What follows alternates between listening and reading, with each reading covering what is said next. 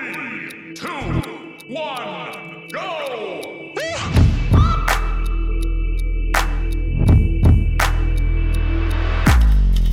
Cisza nocna, nocna, cisza nocna.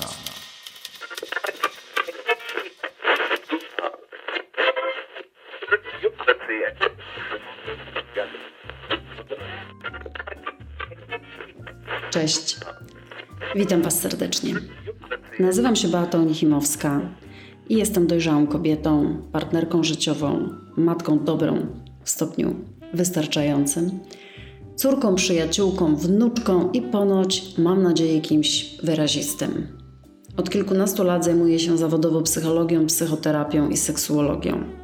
Jestem spełnionym praktykiem, dla którego człowiek to niezmiennie, nieustannie najbogatszy, najciekawszy konstrukt tejże planety, a może i poza nią. Mam swoje osobiste szczyty, ale i głębokie pęknięcia i zadry.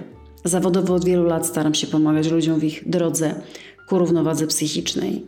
Nigdy nie przechodziłam koło szablonowej psychoterapii. Odkrywam się, nie kryję własnych potknięć, tych właśnie pęknięć. Najbrzydszych. Uważam, że to świadectwo siły, nie słabości. Nie każdemu się to spodoba, nie musi. Niech świat pozostanie najpiękniejszy w swojej różnorodności.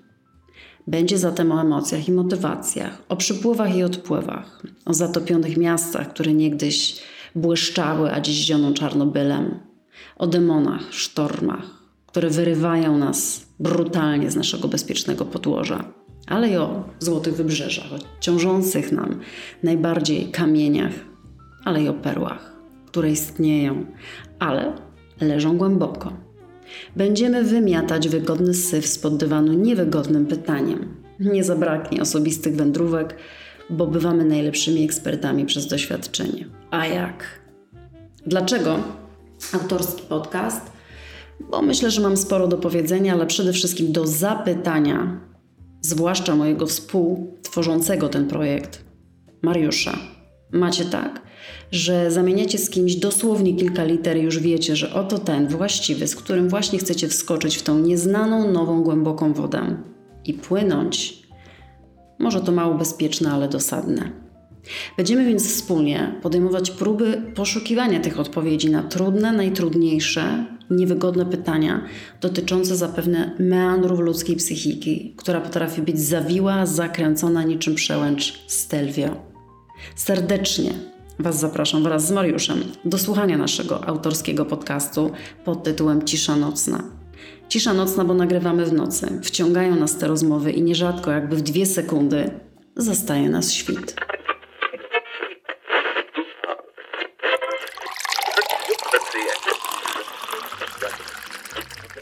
Właśnie dziś nadszedł dzień mego debiutu podcastowego pod tytułem Cisza Nocna.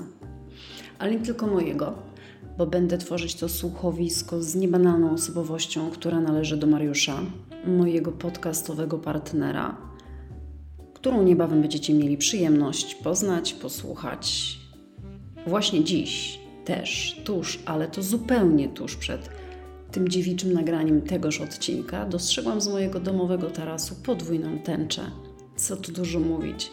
Od dawien dawna mówię, że to najlepszy znak, najpiękniejszy, jakby świat mi wprost mówił: zrób to, a zrobię.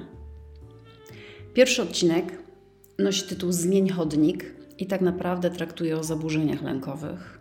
Dlaczego taki tytuł? Posłuchajcie naszego podcastu, tego pierwszego odcinka, bo taki właśnie tytuł niemal wstrzelił się w nasz dialog, e, jaki tworzyliśmy nocą na temat nerwicy lękowej. Czyli wyszło naturalnie, spontanicznie, młodzieżowo. Na miły lęk. Życie nie tylko po to jest, by, no właśnie, się bać, egzystować w napięciu, niepokoju, spięciu, usztywnieniu, które potrafi rozhulać się też do lęku napadowego, panicznego. Co o tym lęku?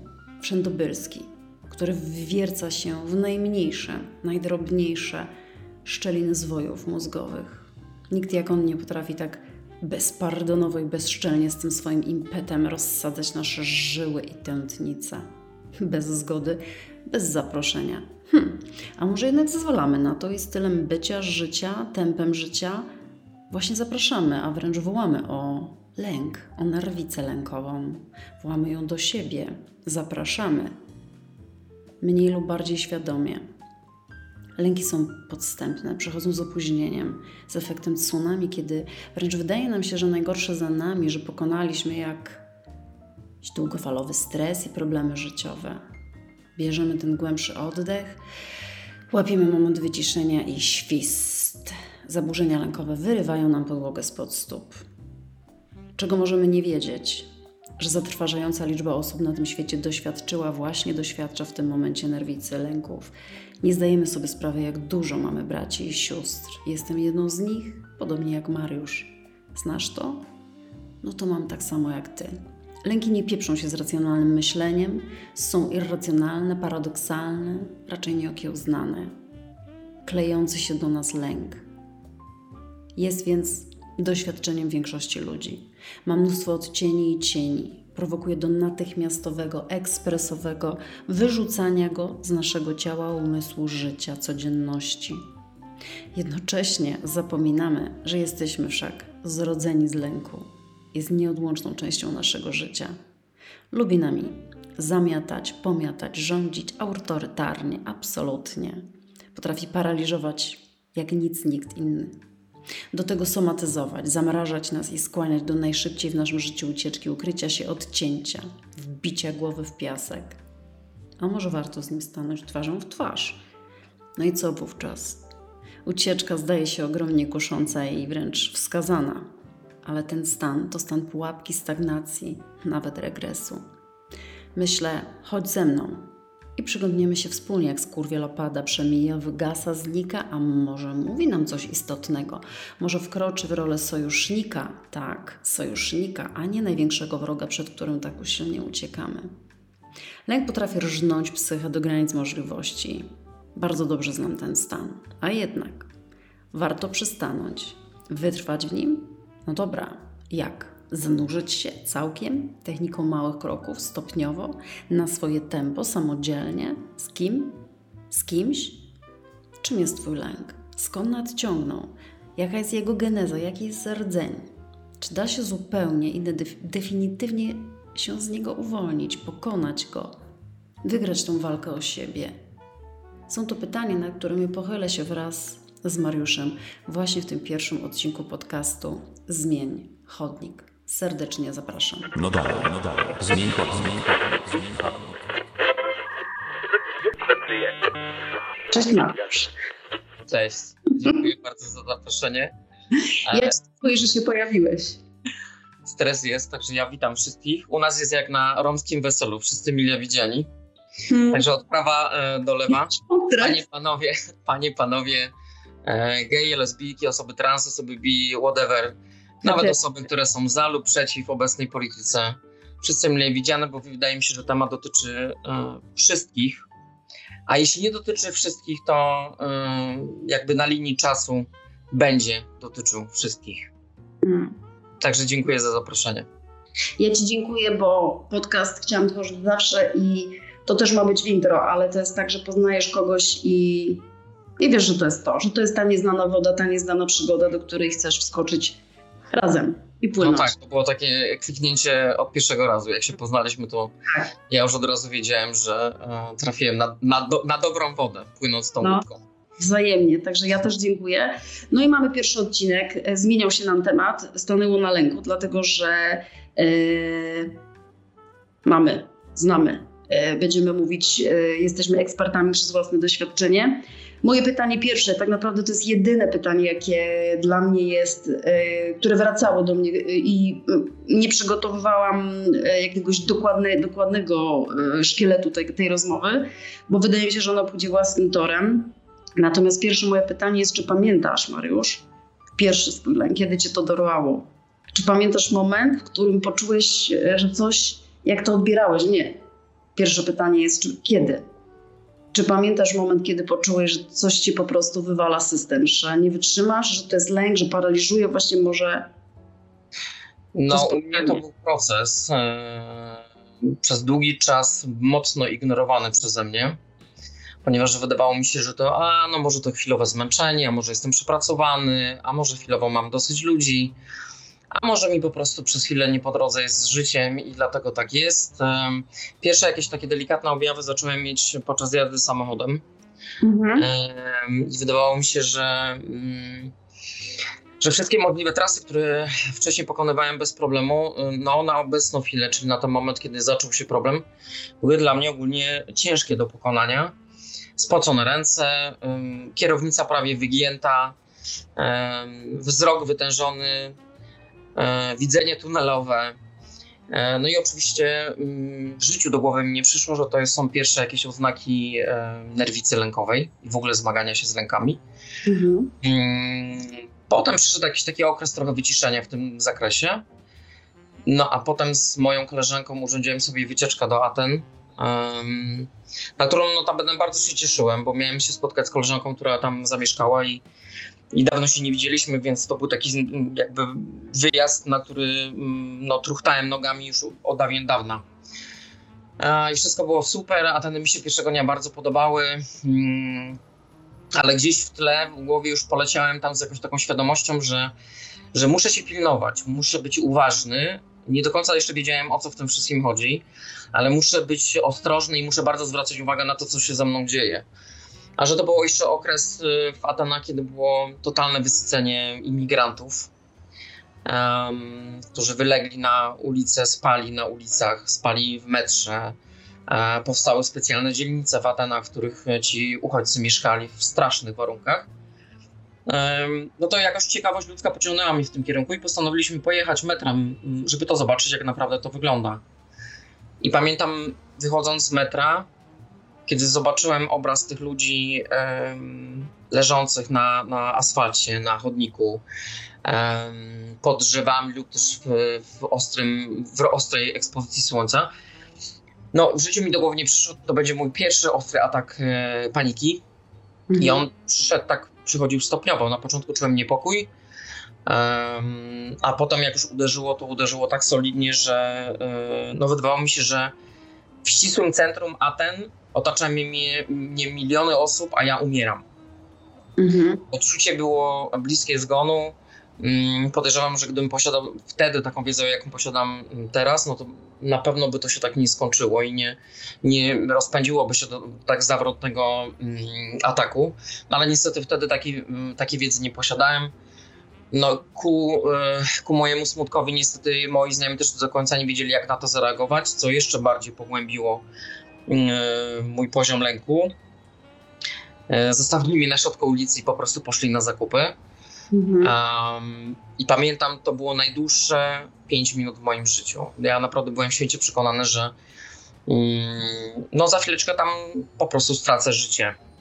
To jest napad paniczny, zdecydowanie. To był bardzo silny napad e, paniczny i przyznam szczerze, bo z mojej wiedzy wiem, że masa ludzi ma różne objawy. Niektórzy na przykład mają ból w klatce piersiowej, nie mogą oddychać.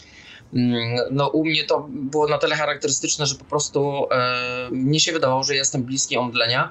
Na pewno dostanę za chwileczkę zawał serca albo udar e, w najgorszym wypadku e, i przepotworna potrzeba ucieczki, a nie mhm. było gdzie uciekać.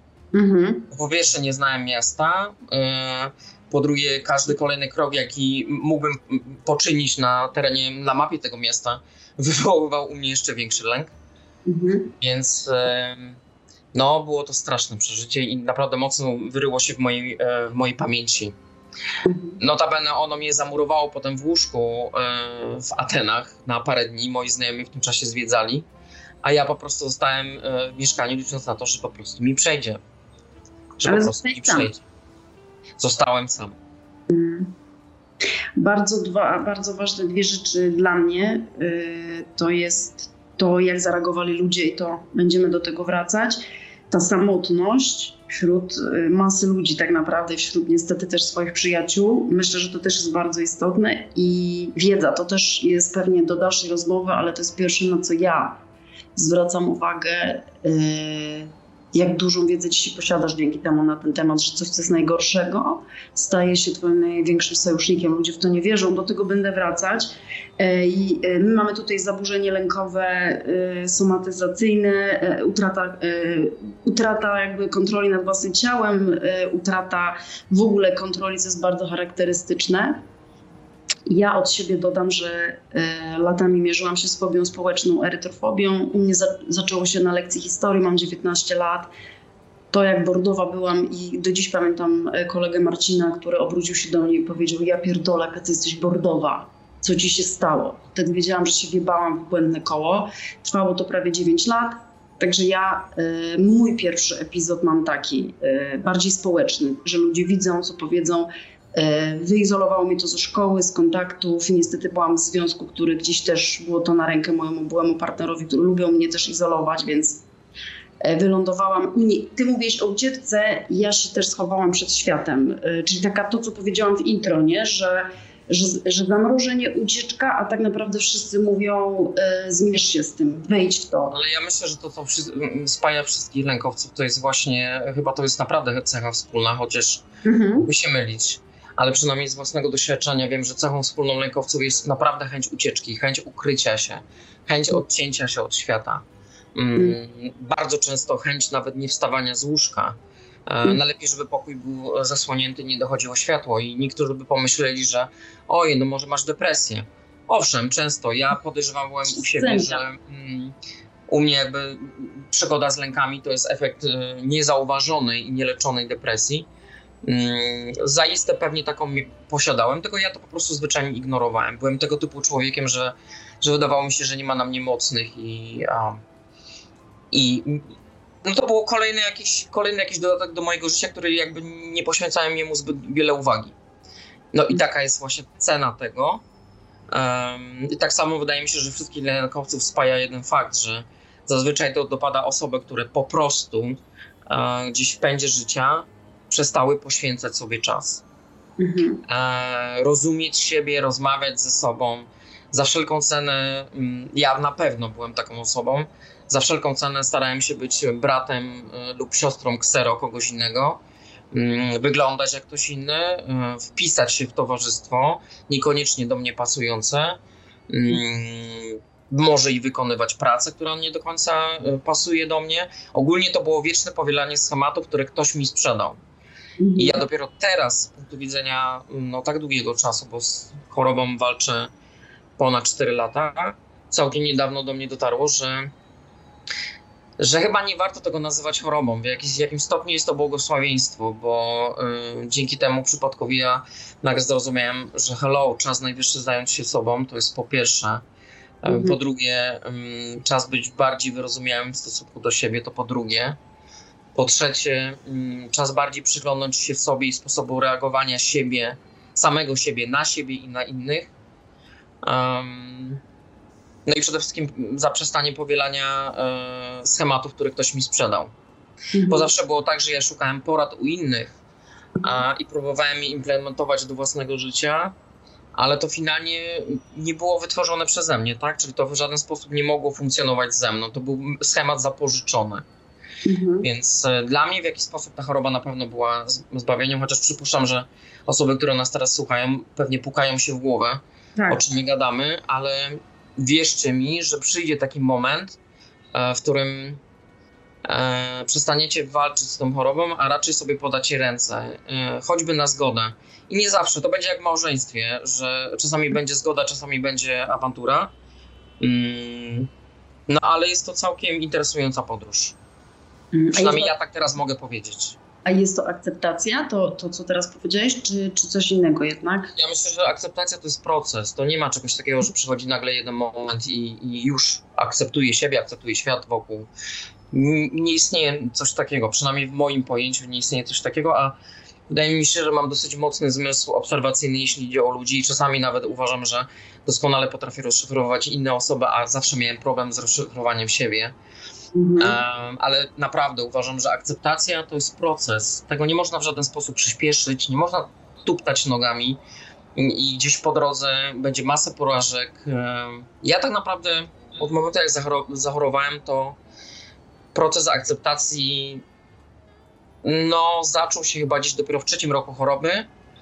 On mi też pomógł w, w tym, żeby bardziej się sobie przyjąć przyjrzeć, przepraszam, e, żeby się zdecydować w końcu na terapię, przed którą się broniłem latami, a wiedziałem gdzieś w podtekście, w tle głowy wiedziałem, że, że to jest dla mnie jedyna droga i że muszę się z tym zmierzyć, ale no moje ego oczywiście pokazało mi środkowy palec i powiedział zwyczajnie spierdalaj, nie ty tutaj będziesz rządził.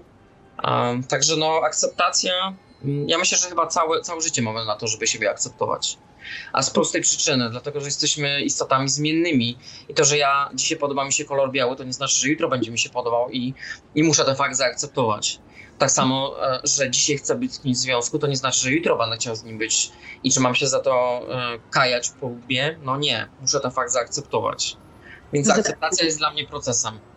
To jest bardzo realne, to jest bardzo realne i bije tutaj to zdanie, które, e, które się słyszy często, tak naprawdę zaakceptuj coś, czego nienawidzisz, bo, bo to też jest prawda, że akceptacja pomaga, e, tylko nie mówi się o tym, co ty przed chwilą powiedziałeś, chyba o tym procesie, e, że to trwa i że to może trwać i że spoko jest też cieszyć się tym progresem, czasami krokami w tył, ale jednak potem są te milowe, te istotne, przełomowe do przodu i to akceptacja, takie mówienie o tej akceptacji po prostu dla akceptacji jest demotywujące, tak jak to. Y, Ja to przeczytałam gdzieś ostatnio właśnie, że y, praca z lękiem ma polegać na zanurzaniu się w lęku, nie robiąc nic. Y, I wyobraziłam sobie ciebie w Atenach, czy kilka dni jak wróciłeś do Polski, że przychodzisz do terapeuty, czy do kogoś, czy czytasz książkę i postanawiasz to zrobić, czy rozmawiasz z kto się zna, albo masz z nim dobrą relację i on ci mówi zostaw i ciśnij, ciśnij. Ja się, no ja się z tym nie zgadzam. I tutaj, tutaj są właśnie e, też te pytania, czy zanurzyć się, czy stopniowo, czy na swoje tempo, e, bo każdy jest inny, nie? I nie wiem, czy to jest dobre, że po prostu od razu wchodzi się, wiesz, z buta i tak strasznie usilnie walczy z tym lękiem na zasadzie wytrzymywania go, uwaga, nie robiąc nic, czyli dowiadywaniu się, że ten czarny scenariusz, że tam się nic nie stanie, czyli nie umarłbym w tym Atenach, nie, nie upadłbym na ziemię, w samochodem dojadę, nic mi się nie stanie za tą kierownicą. Mm, Dla mnie to jest też proces, nie? I tutaj, tutaj to, jest, to jest dla mnie e, też, też istotne, bo ty powiedziałeś o, tutaj ważne też o tym schemacie zapożyczonym, e, rozszyfrowywaniu siebie, no ale właśnie to jest etapy, nie? To jest chyba też proces, w sensie, że nie da się... y, Dobra, wydarzyło się, mam napad, idę na terapię, wszystko wiem, jadę z koksem od A do Z, sesja 1.23, e, wyleczony. Wiesz co, y, powiem szczerze, ja nie wierzę w coś takiego jak em, uniwersalna akceptacja na wszystko dookoła. I Mhm. e, w- u mnie funkcjonuje to w ten sposób, że mam osobną akceptację na samego siebie, osobną akceptację e, mam na e, ludzi, którzy otaczają mnie dookoła. I tak samo mam osobną akceptację na moją nerwicę lękową i w ogóle stany jakieś takie lękowe, depresyjne, zwał to jak zwał. Mhm. A, I dlaczego o tym mówię? Dlatego, że w przypadku akceptacji, e, jeśli chodzi o lęki, ja zauważyłem, że to rządzi się całkowicie innym systemem. To znaczy, ja tutaj wyczuwam nieustającą gradację. A, a dlaczego o tym mówię? Dlatego, że to jest tak jak. e, To jest też tak jak w związku. Możesz pewne rzeczy akceptować, ale przychodzi e, moment, w którym co, miara się przelewa i, i, i to cię zmusza do działania. I Mhm. tak też było w przypadku mojej nerwicy lękowej, że ja dostałem tak strasznie w dupę. Mm, Wydawało mi się, że oczywiście nerwicę mogę wyleczyć tylko i wyłącznie lekami. Pójdę do lekarza, dostanę pigułeczki, mm, weź pigułkę codziennie i w tym momencie mm, do pół roku będzie zajebiście. No niestety nie było. Była to nieustoi- nieustająca sinusoida. I raz było lepiej, raz było e, gorzej. I myślę, że to, co mnie najbardziej wykończyło, bo mówiąc szczerze, do lęków w jaki sposób można przywyknąć, to znaczy do ich obecności, do tej świadomości, że one gdzieś zawsze za twoimi plecami są. Natomiast wydaje mi się, że człowiek, który pragnie naprawdę żyć i, za, i wcześniej żył pełną parą, nigdy nie przywyknie do tego, do tej sinusoidy zmienności nastrojów, to znaczy od radości do lęku, od lęku do smutku i tej wiecznej huśtawki. I to przynajmniej u mnie to był punkt zapalny, który spowodował, że ja zrozumiałem, że jeśli sam sobie nie pomogę i nie pójdę na terapię, to ta sinusoida mm, będzie trwać, to raz. I dwa, będzie miała niestety e, tendencję zniżkową, czyli ta jakby częstotliwość tych, tych zmian nastrojów będzie już tak e, częsta, że ja zwyczajnie pozostaje mi dwie opcje. Albo sobie palnąć w łeb, mm, no albo oszaleć jeszcze bardziej. Mhm. Ani jedna, ani druga opcja mi absolutnie nie pasowała. Dlatego uważam, że istotnym jest rozgraniczenie sposobu akceptacji w stosunku do samego siebie, bo dla mnie akceptacja to jest taka lightowa wersja e, miłości do samego siebie. Akceptuję siebie z wadami i zaletami. I, I oczywiście to też znowu jest proces. Natomiast w przypadku podawania sobie ręki z nerwicą lękową, to wydaje mi się, że naprawdę sporo musi się przelać łez, potu i krwi. Zanim człowiek naprawdę zdecyduje się, żeby sięgnąć po pomoc gdzieś dalej, oprócz na przykład tabletek. Owszem, przypuszczam, że jest masa osób takich na świecie i pewnie wśród osób, które nas e, słuchają, że mm, one, że tak powiem, po pierwszym ataku e, lękowym lądują od razu u m, mm, psychologa albo może u psychiatry. No ja do takich osób... E, Dokładnie. Ja do takich osób nie należałem z prostej przyczyny, bo miałem bardzo twardy charakter, byłem zawsze osobą przebojową, zawsze lubiłem, jak było po mojemu, Um, I dla mnie okazywanie słabości to tylko i wyłącznie przed samym sobą, ale na pewno nie przed światem zewnętrznym. Mhm. Dlatego ta choroba była dla mnie takim zaskoczeniem. Um, ale mogę finalnie powiedzieć, um, i może to zabrzmi co najmniej dziwnie, że mm, teraz po tych ponad czterech lat, y, mimo wszystko, jakby to szalenie nie brzmiało, mimo wszystko jestem za nią wdzięczny, bo to była jedyna metoda, która mogła sprawić, że ja się w końcu zatrzymam, że w końcu przestanę zajmować się innymi, że w końcu zacznę zajmować się sobą, no. że w końcu przestanę zakłócać e, wszystkie swoje myśli e, poprzez otaczanie się e, ludźmi, ładowanie się ze związku w związek, szukanie sobie mm, pseudo-przyjaciół. Um, Wszystko jakieś to, takie mechanizmy obronne. Tak, zagłuszaczy w moim życiu było od cholery. Mm. Też Więc e, wiesz, wydaje mi się, że bardzo głęboko w to wierzę. Wręcz nawet mi się nie wydaje, jestem o tym przekonany. Eee, nie wiem, czy zauważyłaś taki bardzo typowy schemat. W sytuacji, w której człowiek sobie nie radzi sam ze sobą i z życiem, zazwyczaj życie bierze za ciebie sprawę w swoje ręce i albo ci zsyła chorobę typu mhm. cielesną, albo ci zsyła chorobę e, psychiczną. E, ja znam masę przykładów, nawet w rodzinie miałem takie, że osoby, które na przykład przeszły raka, były bardzo pospolitymi jednostkami, ale gdzieś tam po drodze skrzywionymi. Nagle przychodziła choroba na przykład nowotworowa i ona po prostu wykręcała im życie do góry nogami, tworząc z nich całkowicie nową osobę. Ponieważ poziom ich skupienia na samym sobie przez to, że zachorowali, był tak wielki, że oni w końcu mogą powiedzieć tak, znam siebie od A do Z. I to jest paradoks, prawda? I to jest paradoks. Yy... Tak to jest paradoks, który a propos tego tempa jest bardzo trudno włożyć komuś od razu do głowy. Ona chyba, ta osoba musi zaufać, no tu, tu, tutaj można powiedzieć o terapeucie, można powiedzieć o osobie zaufanej, która mówi, że to, to może być coś, co doda ci. Pamiętam, kiedyś mężczyzna taki powiedział, że mi to kiedyś doda bardzo dużo siły i odwagi i, i, i to jest ciężko w to uwierzyć w tym momencie, a ten, dajmy na to, i tego, jak to potem dociera do ciebie bo nawet jak ktoś od razu idzie też na tą terapię, to tak naprawdę ten moment zmierzenia się z tym, co się odkrywa, że to potrwa, że to jest proces, to też demotywuje, to jest druga sprawa. Niestety tak. No, natomiast i bardzo dużo ludzi chciałoby różdżki. Tutaj mamy też farmakoterapię, do której wrócimy jeszcze, bo ona ma swoje plusy. Y, ty powiedziałeś bardzo dobrze, y, opieranie się tylko na farmakoterapii jest y, niekonstruktywne do końca w tej w walce z nerwicą lękową, ale wrócimy do tego. Też będę miała pytanie właśnie, właśnie jak, to, jak ty to widzisz, jak ja to widzę, się wypowiem. Natomiast powiedziałeś tutaj e, bardzo fajne, bardzo fajną, bardzo ciekawą rzecz o tej paradoksie tej nerwicy, e, tego, tych zaburzeń, tych demonów, e, zaburzeń lękowych, że, że one tak naprawdę powodują, tak jak rak, zmianę zmianę totalną w życiu i paradoksalnie, paradoksalnie, paradoksalnie, wywrotowo rozpierdalają system i, są i, i mają, przynoszą coś pozytywnego, przynoszą coś pozytywnego. E, trzeba tutaj wiary, trzeba tutaj wiary, jakiejś wytrwałości, żeby się w tym nie zatrzymywać, bo to nie jest proste, to, ma, to są etapy, ale tak jest.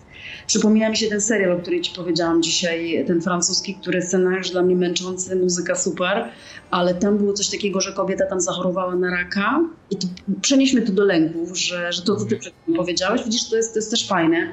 Ona tam dostała y, diagnoz, diagnozę raka, y, najbardziej przybojowa bohaterka i ona, ona właśnie, wiesz, szok, niedowierzanie to są też etapy, etapy jakby żałoby po swoim życiu, pogodzenia się z tym. No i ona siedzi ze swoim najlepszym przyjacielem i on jej mówi właśnie takie zdanie, mm, ona to wypowiada na głos, mam raka. Tutaj też jest bardzo istotne a propos tych ludzi, o których ty mówiłeś, że ich zabrakło w tych, akurat w panicznym napadzie, ale o nich też zapytam, jak to się zmieniali ci ludzie wokół ciebie. Wracam do tej dziewczyny z serialu no ona gadała z przyjacielem, który, od którego się odsunęła właśnie i to jest to, co ty mówiłeś na początku, że powróciła do osób, które były wcześniej akurat w jej życiu, kogoś, kogo odrzuciła, ktoś, kto nie pasował do jej tam tego życia imprezowego, takiego, takiego odwracacza uwagi, ty to nazwałeś. I on z nią siedzi na takich schodach i mówi, masz raka, a tak mam raka.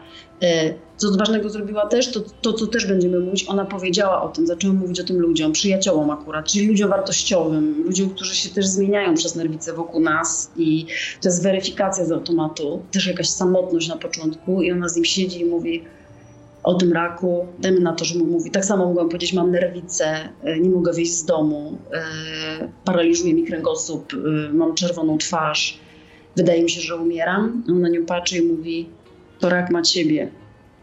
I, i on ma przejebane. e, wiesz, i tutaj tak samo, nie? E, to rak ma, ona się Charlotte bodajże nazywa, to rak ma Charlotte. E, I Charlotte ma raka i szczerze powiedziawszy to mu współczuję, nie? No, wydaje mi się, że najistotniejszym, e, przynajmniej w moim wypadku, ja dziękuję losowi za to, że chyba był jakiś taki pierwiastek we mnie, że od momentu jak zachorowałem, ja nigdy nie miałem problemu z mówieniem o tym, że choruję na nerwicę lękową. I właśnie tutaj jest moje pytanie, czy to jest ważne, bo bardzo dużo ludzi ma straszne opory przed powiedzeniem w tym swoim środowisku. Czy to jest weryfikacja? Rodzina, przyjaciele, środowisko zawodowe.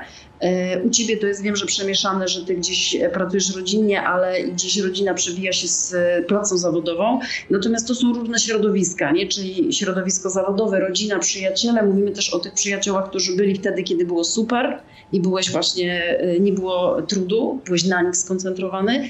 Czy warto mówić ludziom o tym, że coś mnie rozwaliło, że się nie mogę pozbierać i nie udawać na zasadzie, a głowa mnie boli, a źle się czuję, wycofywać, nie tłumaczyć, czy właśnie powiedzieć, e, mam nerwicę lękową i czy to zajmuje czas? Wiesz co, e, wydaje mi się, że e, u mnie to w ogóle w bardzo egoistyczny sposób nastąpiło. Dlatego, że mm, tak naprawdę ja od samego początku to nie robiłem dla innych, tylko robiłem to dla siebie, ponieważ wymyśliłem sobie taką teorię w głowie, że jeśli ja zacznę o tym mówić, to będzie dla mnie to już forma terapii. Prawda. To znaczy, że to już jest pierwszy krok do tego, żeby um, no, zaakceptować tego pasażera na gapę, który się przypierdolił po prostu zwyczajnie e, do mnie. No i w moim przypadku zamieszkał właśnie głównie na szyi na, i na plecach mm, i tam go głównie odczuwałem. Mm, a dwa, owszem, uważam, że warto mówić, jeśli idzie o kwestie społeczne, uważam, że warto mówić. I to nie jest dlatego, żeby mm, uświadamiać ludzi, bo owszem, to ma też taki cel ale w moim wypadku to był doskonały, mm, doskonałe sito na ludzi, którzy mnie otaczali. Ponieważ bardzo szybko się okazało, kto jest po mojej stronie, a kto nie, mm, kto trzyma za mnie kciuki, a kto nie. E, komu się wydaje, że ja jak zwykle przesadzam albo panikuję. Oczywiście, zresztą w naszym społeczeństwie istnieje mm, e, jakaś paranoja słowna, często używamy powiedzeń do kogoś, a nie panikuj, dlaczego panikujesz, a nie przesadzaj. Naprawdę ludzie, zastanówcie się, zanim wypowiecie te słowa, bo na, czasami możecie trafić na osobę, która faktycznie mierzy się mm, z atakami paniki, z atakami lękowymi. Zabija. I to po prostu e, podcina ludziom skrzydła. E, ja z własnego punktu widzenia i z własnego doświadczenia mogę powiedzieć i namawiam każdego do tego, jeśli tylko zauważy u siebie jakiekolwiek objawy e, lękowe, mówić o tym, mówić, jeszcze raz mówić. Po pierwsze, mm, dlatego, żeby zacząć siebie samego terapeutyzować, bo to jest pierwszy, pierwszy krok do akceptacji, a po drugie, żeby odsiać od siebie ludzi, którzy was będą, będą ciągnąć na dół tak i wam jest. zwyczajnie nie pomogą, tak a jest. tylko was zdołują, a tak. przez doła będziecie popadać jeszcze większe lęki, będziecie się czuć bardziej odizolowani. Wamy. Tak, ja, ja tą całą e, procedurę mm, przeżyłem i nie ukrywam, że wiele wieczorów e, sporo łez też wylałem, bo wydawało mi się, że osoby, na które, na które mogę liczyć, nagle się okazało, że jednak nie mogę liczyć. A, a najbardziej, co mnie wkurwiało e, w ich postawie, to właśnie e, no, moje ulubione słowo z naszych terapii, to umniejszanie. Niż Znaczy, e, nie przesadzaj, nie panikuj, e, a najlepiej to się napij, to ci przejdzie, a powinien, wy, powinieneś wyjść do ludzi, to ci przejdzie. Polecali mi wszystkie tanie rozwiązania, które były jak, um, jak iskra z zapalniczki przy e, karnistrze z benzyną. Więc um, absolutnie rozumiem fakt, że osoby z zewnątrz, osoba, która nigdy przez to nie przeszła, nigdy nie zrozumie osoby, która choruje na nerwicę lękową. Zawsze mi się wydawało, że nerwica to jest wtedy, kiedy trzęsą ci się ręce i jesteś poddenerwowany. No jakże e, bardzo się myliłem. E, także no, słowa tutaj mają kolosalne znaczenie, a żeby zaznaczyć ważność słów, przytoczę wam tylko jedną opowieść z mojego własnego życia. Jak ja sobie sam na własne mm, życzenie zaprosiłem tą chorobę do życia, I to myślę, że bardziej uwierzą w to osoby, które są jakieś bardziej uduchowione, albo może i wierzące. Któregoś dnia tak bardzo sobie nie mogłem ze sobą dać rady, że w nocy przed zaśnięciem powiedziałem: Boże, ty chyba musisz na mnie zesłać chorobę, ale to taką straszną chorobę, żebym ja w końcu się ogarnął. Mm. Nie musiałem długo czekać, zaledwie dwa miesiące. Dostałem full pakiet, e, który mi towarzyszy e, 4 lata. Ta podróż wygląda różnie. Na szczęście teraz jest już to bardziej e, podróż taka, no powiedzmy, pokojowa. E, I mam nadzieję, że będzie coraz bardziej pokojowa. Natomiast naprawdę uważajcie na to, e, co mówicie, bo słowa często przerażają się w, w energię, która sprawia, że rzeczy się dzieją. Na takie życzenie tak naprawdę. Tak, tak. Mm, mm. Tak, jest coś, jest coś w tym, jest coś w tym. Yy Czasami też właśnie to jest to, że ciało nas zatrzymuje, bo głowa gdzieś dalej pędzi, nie? A, a ciało zaczyna mówić dość. Tu mówię o somatyzacjach akurat. Dokładnie. Ale ważne, że, ważne to powiedziałeś, umniejszenie. Jest to hasło po prostu mega ważne, e, przewodnie tak naprawdę w terapii, jeżeli chodzi o nerwicę lękową. Z tym umniejszeniem to jest tak, że tej nerwicy też nie widać. Czy ja miałam czerwone plamy, czy ty miałeś na przykład objaw, że usztywniał ci się kręgosłup w taki sposób, że ci się wydawało, że po prostu stracisz też panowanie nad własnym ciałem. Na przykład jadąc autem, to bardzo często y, rozmawiam o tym z ludźmi i wiem, że mają takie objawy, czy właśnie kardio, czy kręgosłup, czy żołądek, czy to są e, cera, skóra, to akurat ja. I widzisz, ja też mówię cera, skóra, ja słyszałam masz urocze rumieńce, e, a ja czułam, jakbym ktoś żelazo do gęby przykładał, spocenie totalne lało się ze mnie i tak naprawdę odcinało mnie to od rzeczy, które chciałam robić w życiu, bo zachęcała ucieczka, prawda? Dokładnie. Mm. Umniejszenie, umniejszenie, e, umniejszenie. Ale jeśli mogę Ci przerwać, tak. uważam, że jedna podstawowa i najważniejsza rzecz, i uważam, że jeśli każdy z osób chorujących zrobi to szybciej i zda sobie z tego sprawę, tym łatwiej mu będzie wyjść z tej choroby, bo ja tak. Ja, ja tego się nauczyłem. Um, przestańcie um, korzystać z tego, żeby ktoś um, uzasadniał jakość waszej choroby. To wy musicie nazwać tą chorobę, to wy musicie określić jej stan od A do Z. Nie posiłkujcie się, nie mówię tutaj o wizytach u psychologa, bo to jest całkowicie inna bajka. Mierzymy się w tym momencie, w, kontaktach z psychologiem, mierzymy się z profesjonalistą. Natomiast mm, jeśli posiłkujemy się y, opiniami osób z zewnątrz, typu rodziną, przyjaciółmi, um, mężem, żoną itd., tak uważam, że to jest droga do zatracenia. Dlatego, że to jest znowu powielanie pewnych schematów. E, to po pierwsze nie jest nasze, to nie jest nasza energia. To ja wiem w 100% jak się czuję ja wiem, jakie mam objawy i tylko ja mogę coś na ten temat powiedzieć. Więc szukanie takiego, mm, takiego potwierdzenia, że tak, ty jesteś chory, albo nie, ty nie jesteś chory, mhm. ja bym tego bardzo unikał. I z własnego doświadczenia namawiam wszystkich, żeby tego nie robić, bo ja właśnie szukałem potwierdzenia w, u ludziach, mm, zdiagnozowania w ludziach, żeby ktoś mi powiedział, że nie, ty nie jesteś chory. To jest na pewno przejściowe. E, powinieneś pojechać na wakacje, wypocznij w końcu, pracuj mniej poszukaj sobie um, lepszych znajomych, zmień środowiska, może wyjedź za granicę. Mhm. Ale to są wszystko porady z zewnątrz, mhm. które w żaden sposób nie przekładają się na moją kartkę papieru. To nie, to nie jest, to, nie, to są dwie różne opowieści. Ja piszę całkowicie inną opowieść, oni piszą całkowicie inną opowieść. I nawet jeśli mają dobre intencje, ja od tego typu wartościowania trzymałbym się jednak z daleka. Mhm. Od tego jest raczej psycholog lub jakiś przewodnik, na przykład duchowy. Nie mówię tutaj, broń Boże, o, księ o księdzu, mm, ale są oczywiście też przewodnicy duchowi. Ja też taką osobę mam w swoim życiu, która energetycznie i duchowo bardzo mi po prostu e, pomogła. Mm. Ale Mariusz, czujesz wtedy, y, rozmawiając z tą osobą, że ona po prostu ciągnie cię do góry, że uważnia. Tak, tak. Mhm. Tak, mhm. dlatego że ona nie ocenia. Po pierwsze, mnie nie oceniała.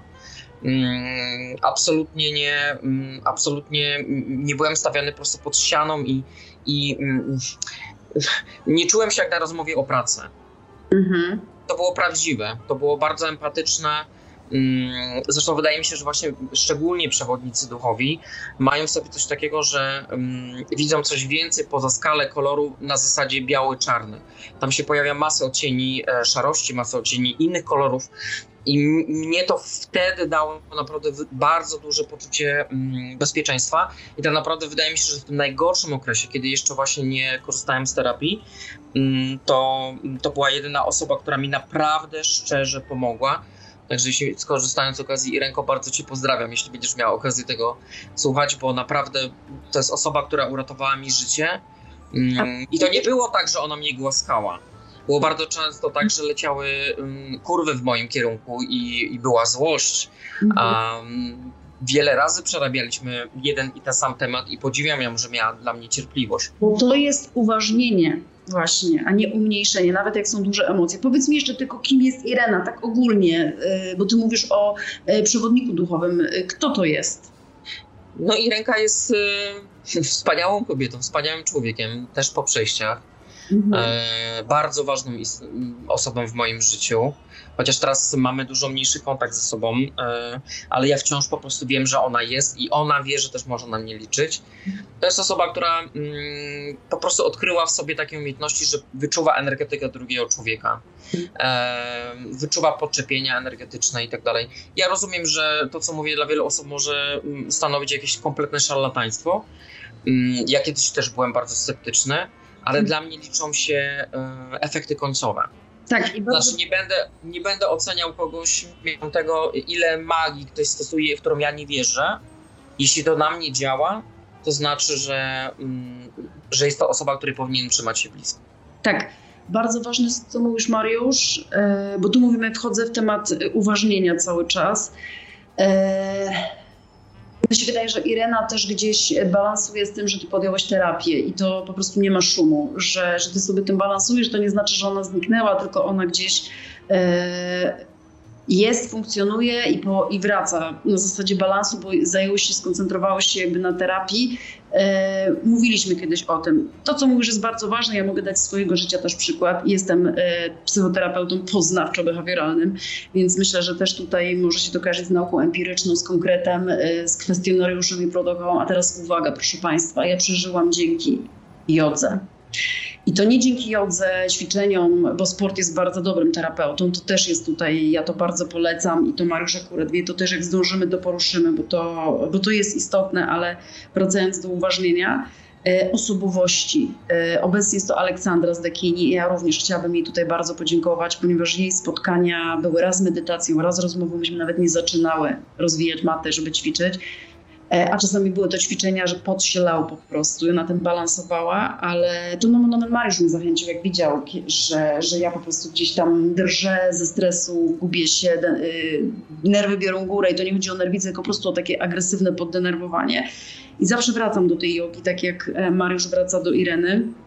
E, i też jej energia, sposób w jaki ona pozwoli, inna perspektywa, ale co jest w tym najważniejsze? Aleksandra też czasami potrafiła wyskoczyć bardzo brutalnie dla mnie wtedy i powiedzieć mi nie ciągnij tego trupa, popatrz z jej perspektywy, a co jeżeli to, co się tobie przydarza, to jest najlepsze, co mogłoby ci się przydarzyć. Ja broniłam się, byłam też, jestem osobą, która gdzieś tam reagowała na to źle, ale to jest do góry, do góry, jeszcze raz do góry, to jest uważnienie. Do tego dodaję terapię, oczywiście do tego dodaję ludzi, ale jeszcze chciałabym, żebyś, żebyś, tutaj, żebyś tutaj podkreślił to, co mówiłeś, czyli jak rozumiesz, e, żeby nie słuchać ludzi, którzy ciągną w dół, czyli ktoś, kto to umniejsza, ale może być czasami tak na przykład, że mama albo, nie wiem, siostra e, jest też do góry, że jest dobra w tej, e, że, że to może być, tak? W sensie, Oczywiście, że tak. By ona ci to nie umniejszała. Oczywiście, że tak. Natomiast no, musicie liczyć się też z tym, że będą osoby nawet bliskie wam, którym was. e, I to nie mówię, że zrobią to celowo. Pamiętajcie o tym, że to nie jest zrobienie celowo.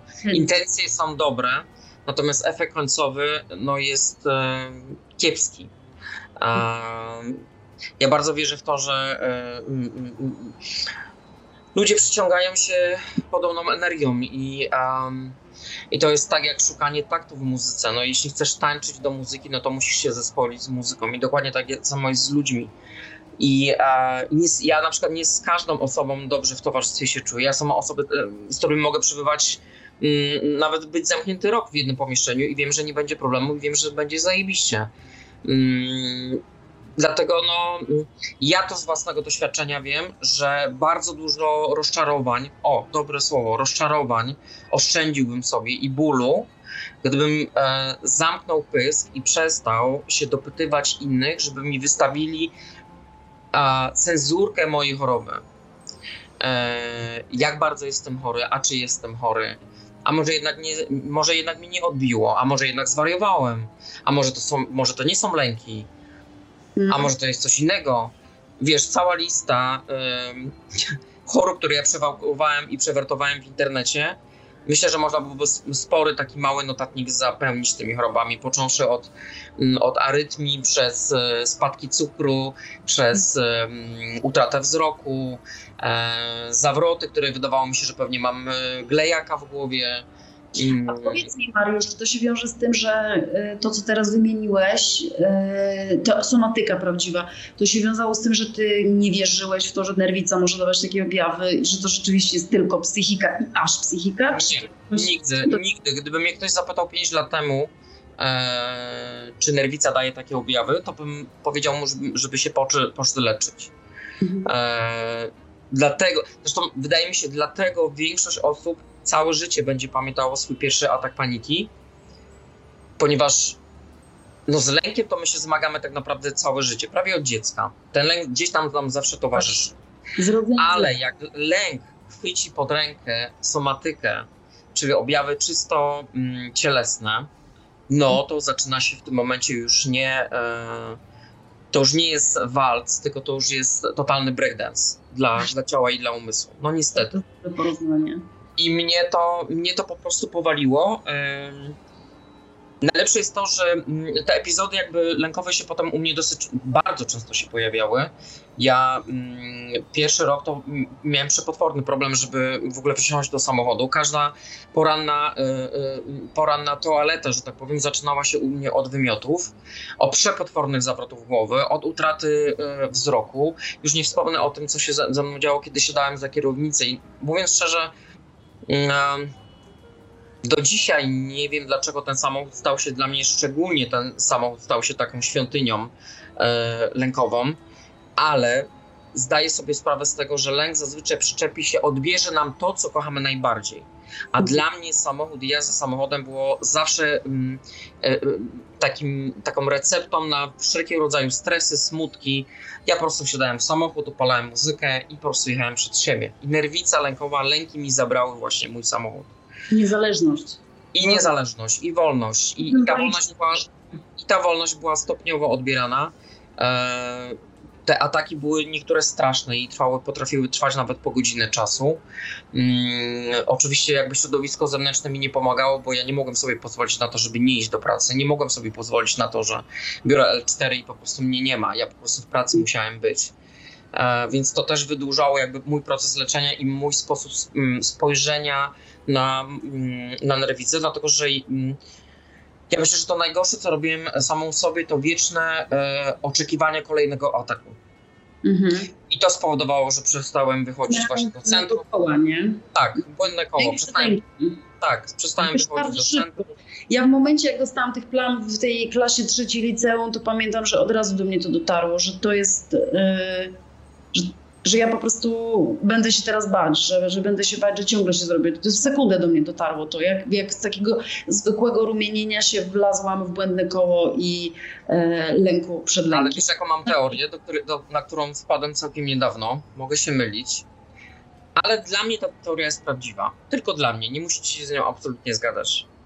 E, uważam, że e, konstrukt samej nerwicy lękowej, nie wiem kto to wymyślił i jaka energia to stworzyła, ale zobacz, to zostało za każdym razem, wszystkie osoby, które cierpią na nerwicę lękową, co się dzieje? Wycofują się stopniowo z życia. Wycofują się z pracy, wycofują się powoli z związków, e, z kontaktów społecznych, z wychodzenia do kina, do sklepu, jeżdżenia samochodem. Najlepiej zamykają się w domu. I z jednej strony moglibyśmy to nazwać, że życie nam się kurczy, e, jest tragedia, po prostu straciliśmy własne życie, a z Mhm. drugiej strony, analizując pod kątem czysto technicznym ten schemat, wychodzi na to, że to jest jedyna metoda, czyli y, zawężanie nam życia, taki tworzy się lej, czyli przyparcie nas do muru, a, która spowoduje, że wtedy już nie masz innego wyjścia, jak tylko przyjrzeć sobie. Mhm. Im mniej się przeglądasz sobie, w sensie takim analizowaniem samego siebie. Ja nie, nie mówię tutaj, żeby wyczekiwać ataków lękowych. Mówię o tym, żeby w końcu zacząć ze sobą rozmawiać, żeby się sobą e, zaopiekować, jak małym dzieckiem. I mnie nerwica, ja na przykład, a skąd to wiem? Wiem to stąd, że ten okres, kiedy ja się broniłem przed atakami i, a, i wtedy jeszcze to moje życie było takie dosyć dostępowe, czyli no, zdarzało mi się wyjść do tego sklepu, zdarzało mi się wyjść na miasto, zdarzało mi się siąść do tego samochodu, to tych ataków było multum. E, I jakby częstotliwość była tak strasznie duża, że ja zacząłem ograniczać te, te moje czynności codzienne i przy taki jeden moment, w którym no ja prawie z domu nie wychodziłem. Mhm. A dla mnie zbawieniem był weekend, bo nie musiałem jechać do pracy, w ogóle nie musiałem robić nic. Najlepiej to, żebym z łóżka nie wychodził. Mhm. Owszem, psychicznie czułem się fatalnie, no bo jakim prawem odebra... życie mi odebrało to, co było moje, to, co było najlepsze, to, co było częścią składową mnie. No jakim kurwa prawem? No ale z drugiej strony dotarło do mnie, że teraz no zajebiście, nie masz żadnych zagłuszaczy z boku, nie masz potrzeby robienia zakupów, nie masz potrzeby spotykania się z ludźmi, nie masz potrzeby e, wyjść na, za, na zakupy do centrum handlowego czy jechania gdziekolwiek samochodem, więc w końcu kurwa zajmiesz się sobą. Mhm. Jak nie chcesz zrobić tego po dobroci, no to somatyka ci tak to świe- świetnie wszystko zorganizuje, że nie będziesz miał wyjścia. Musisz się zająć sobą. Ciało mówi dość, ciało mówi Tak. dość.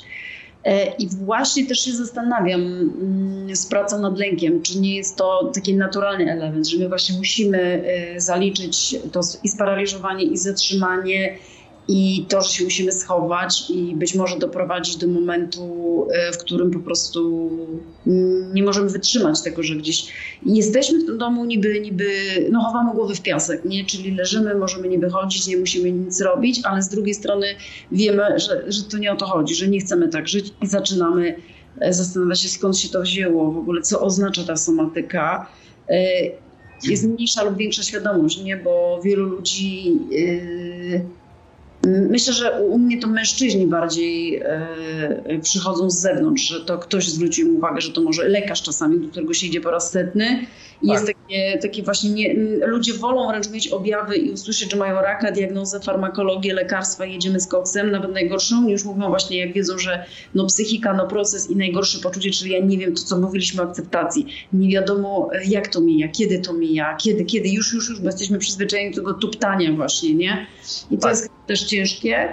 To jest chyba też ciężkie, z drugiej strony to tak przytłaczające, to wie ten, kto przeżywał, kto, kto wie, jak działa lęk, yy, że po prostu yy, od razu czuć to przytłoczenie, że to kurwa zajmie, nie? że to nie jest, że trzeba chyba to zaakceptować, że, że to potrwa, że to To potrwa. trzeba zaakceptować, ale wydaje mi się, że wypadkową tego, ile to potrwa, a przynajmniej ja to zauważyłem w swoim przypadku, nie wiem, może inni mają inaczej, ale ja em, pamiętam którejś nocy miałem sen i w tym śnie em, mówiłem sam do siebie, tak jakby była osoba stojąca obok i Mhm. padł tekst. No jak myślisz, jak długo będziesz chorował? Mhm. Z mojej strony e, padło, była cisza, nie byłem w stanie odpowiedzieć. A Mhm. głos powiedział e, do mnie tekst następujący.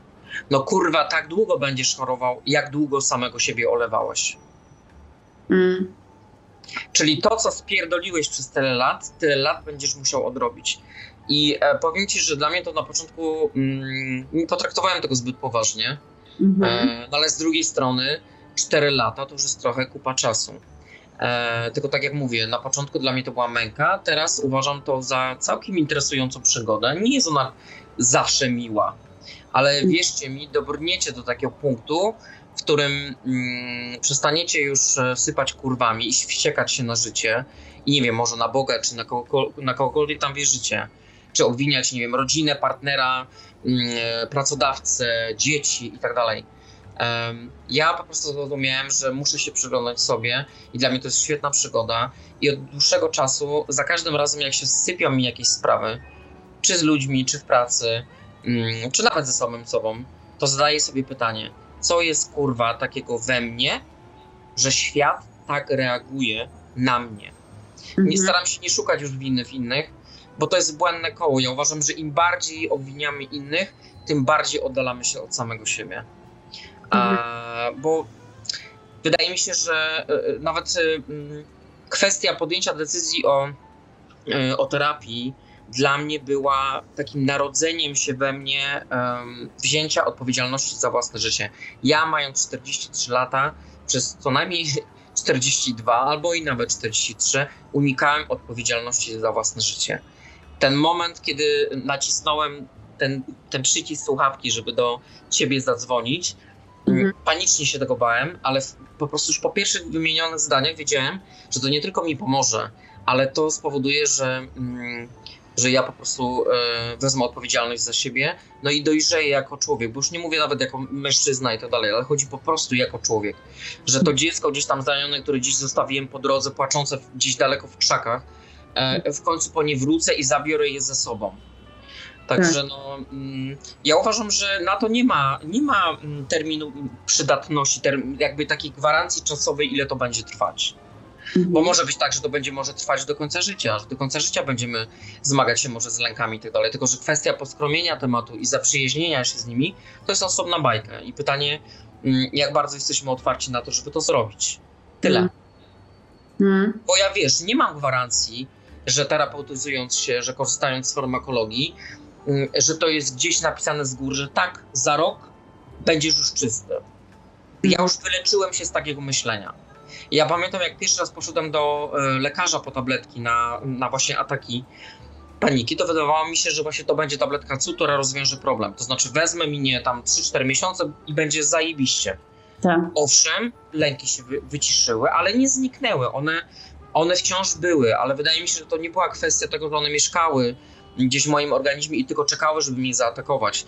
Tylko problem polegał na tym, że jakby pamięć ciała tak bardzo zapamiętała pierwszy atak e, mm, lękowy, że było to tak mocno podmięte do mojej psychiki, że najmniejsza próba mm, właśnie wyrwania się w kierunku wolności, czyli wsi- wsiągnięcie do samochodu i pojechanie gdzieś, ja chcąc nawet uwolnić swój umysł od lęku, nie byłem w stanie wyłączyć tej pamięci wstecz.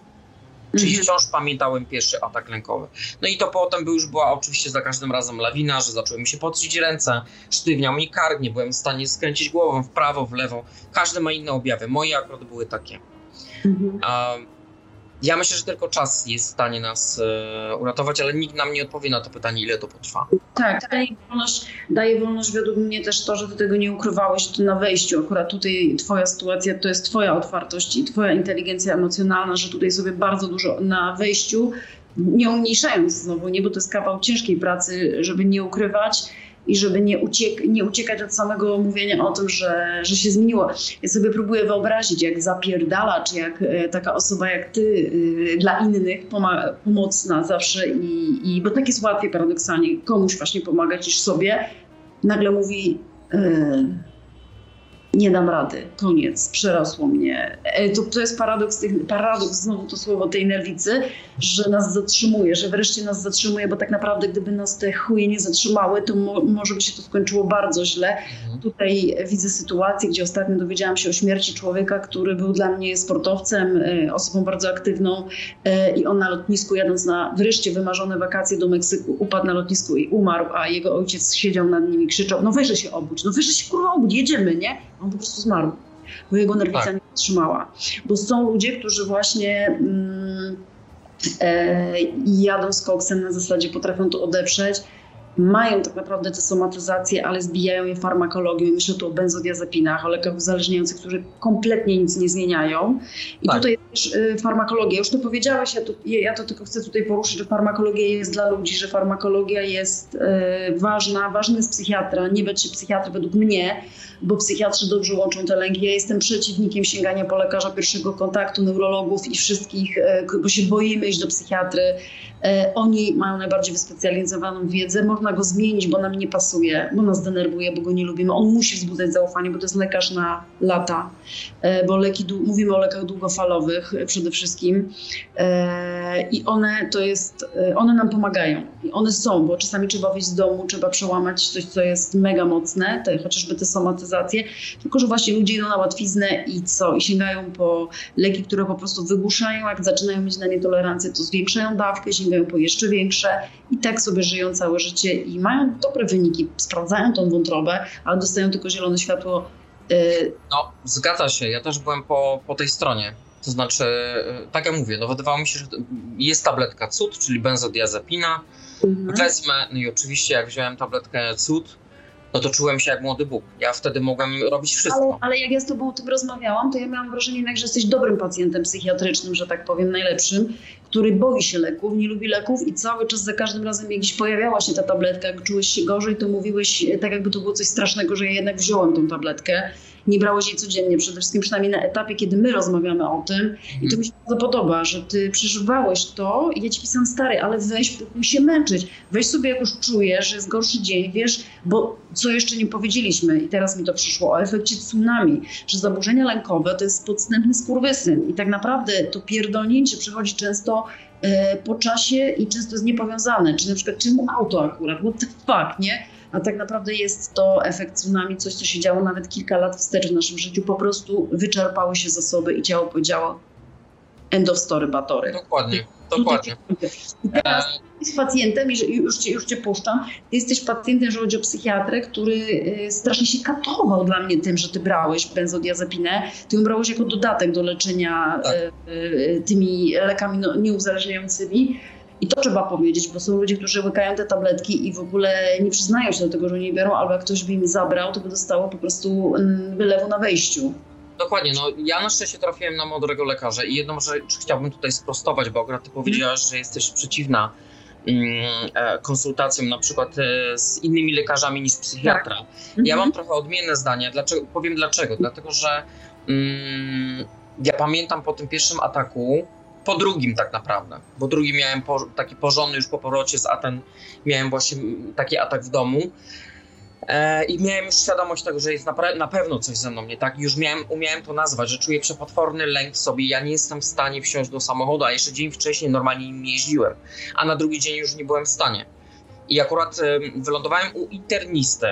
Mhm. E, I to był facet, który uratował mnie tak naprawdę. Ale tak, masz rację, nie gdzieś trzeba, okej, okej, okay, okay, trafić. Dlatego, że, dlaczego to mówię? Dlatego, że na pewno wśród słuchaczy znajdzie się osoba, y, w której jakby wstyd nie pozwala pójść do psychiatry, dlatego, że dla niego to jest przekroczenie jakby to jest tej stygmatyzacji, że tak, jest coś z tobą, kurwa, nie tak, na pewno jesteś, coś pierdolnęło na głowę. Tak, jesteś chory psychicznie. Tak. tak.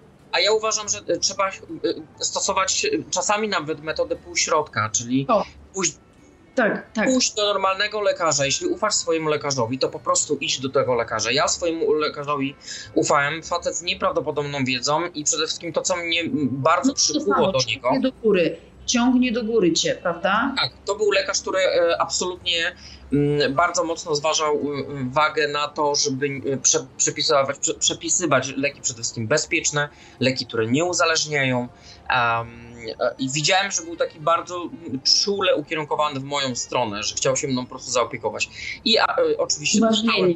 Uważnienie. Tak, uważnienie, znowu uważnienie, dokładnie. Ja dostałem lek, typowy lek na depresję, lek przeciwlękowy, ale żeby móc przetrawić te pierwsze trzy tygodnie do miesiąca czasu y, pewnych skutków ubocznych. U mnie akurat to było przepotworne mm, pocenie się, całkowity brak snu przez trzy tygodnie. To znaczy, pewnie spałem, ale to był tak płytki sen, że ja po prostu rano wstawałem i byłem nieprzytomny. bardzo dużo. Tak, i, i na pewno nasilenie trochę tych stanów takich niepokoju i lękowych to przez trzy tygodnie. Po to dostałem benzodiazepinę. I otrzymałem od nim informację, że możesz z niej potem korzystać jeszcze, ale staraj się mm, nie przesadzać. I był faktycznie taki moment, że ja potrafiłem dzień w dzień brać benzodiazepinę. Już w momencie, kiedy zaczął mi działać lek przeciw, e, e przeciwdepresyjny, mm, dlatego że to była droga na skróty. A taki moment ocknięcia się u mnie, że zdałem sobie sprawę z tego, no tak, no ale ja wziąłem ten lek, lęki wszystkie e, mijają, ja w końcu mogę jeździć samochodem. Muszą. Tak, nie mam, nie, przez, zniknęła mi fobia społeczna, ja mogę wyjść do ludzi, wszystko jest w porządku, no ale co to jest za życie, kiedy ja rano muszę się kolejnego dnia obudzić i wziąć kolejną tabletkę? Ja tak nie chcę. Ktoś o tym tabletka, ten kawałek, ten te, te, te, taki malusieńki proszek o tym decyduje. Tak, tabletka cud po prostu. Dlatego... A, czy pomagałoby ci czy pomagałoby ci placebo na zasadzie, może źle to nazwałam, efekt placebo, ale zostańmy już przy tym, że nosisz przy sobie na przykład sedam, e, czy relanium, czy Xanax i na przykład e, nie bierzesz go, tylko czy, trzymasz go i czy to pomaga? Tak. Tak, i polecam, polecam to każdemu. Zabezpieczający, prawda? Tak, polecam to każdemu, e, że po prostu masz go przy sobie. Sama świadomość, że masz ten leki w dramatycznej sytuacji, możesz w każdym momencie zareagować, um, bardzo pomaga i ja tak bardzo długo, e, bardzo długo tak robiłem, nosiłem ten sadam przy sobie.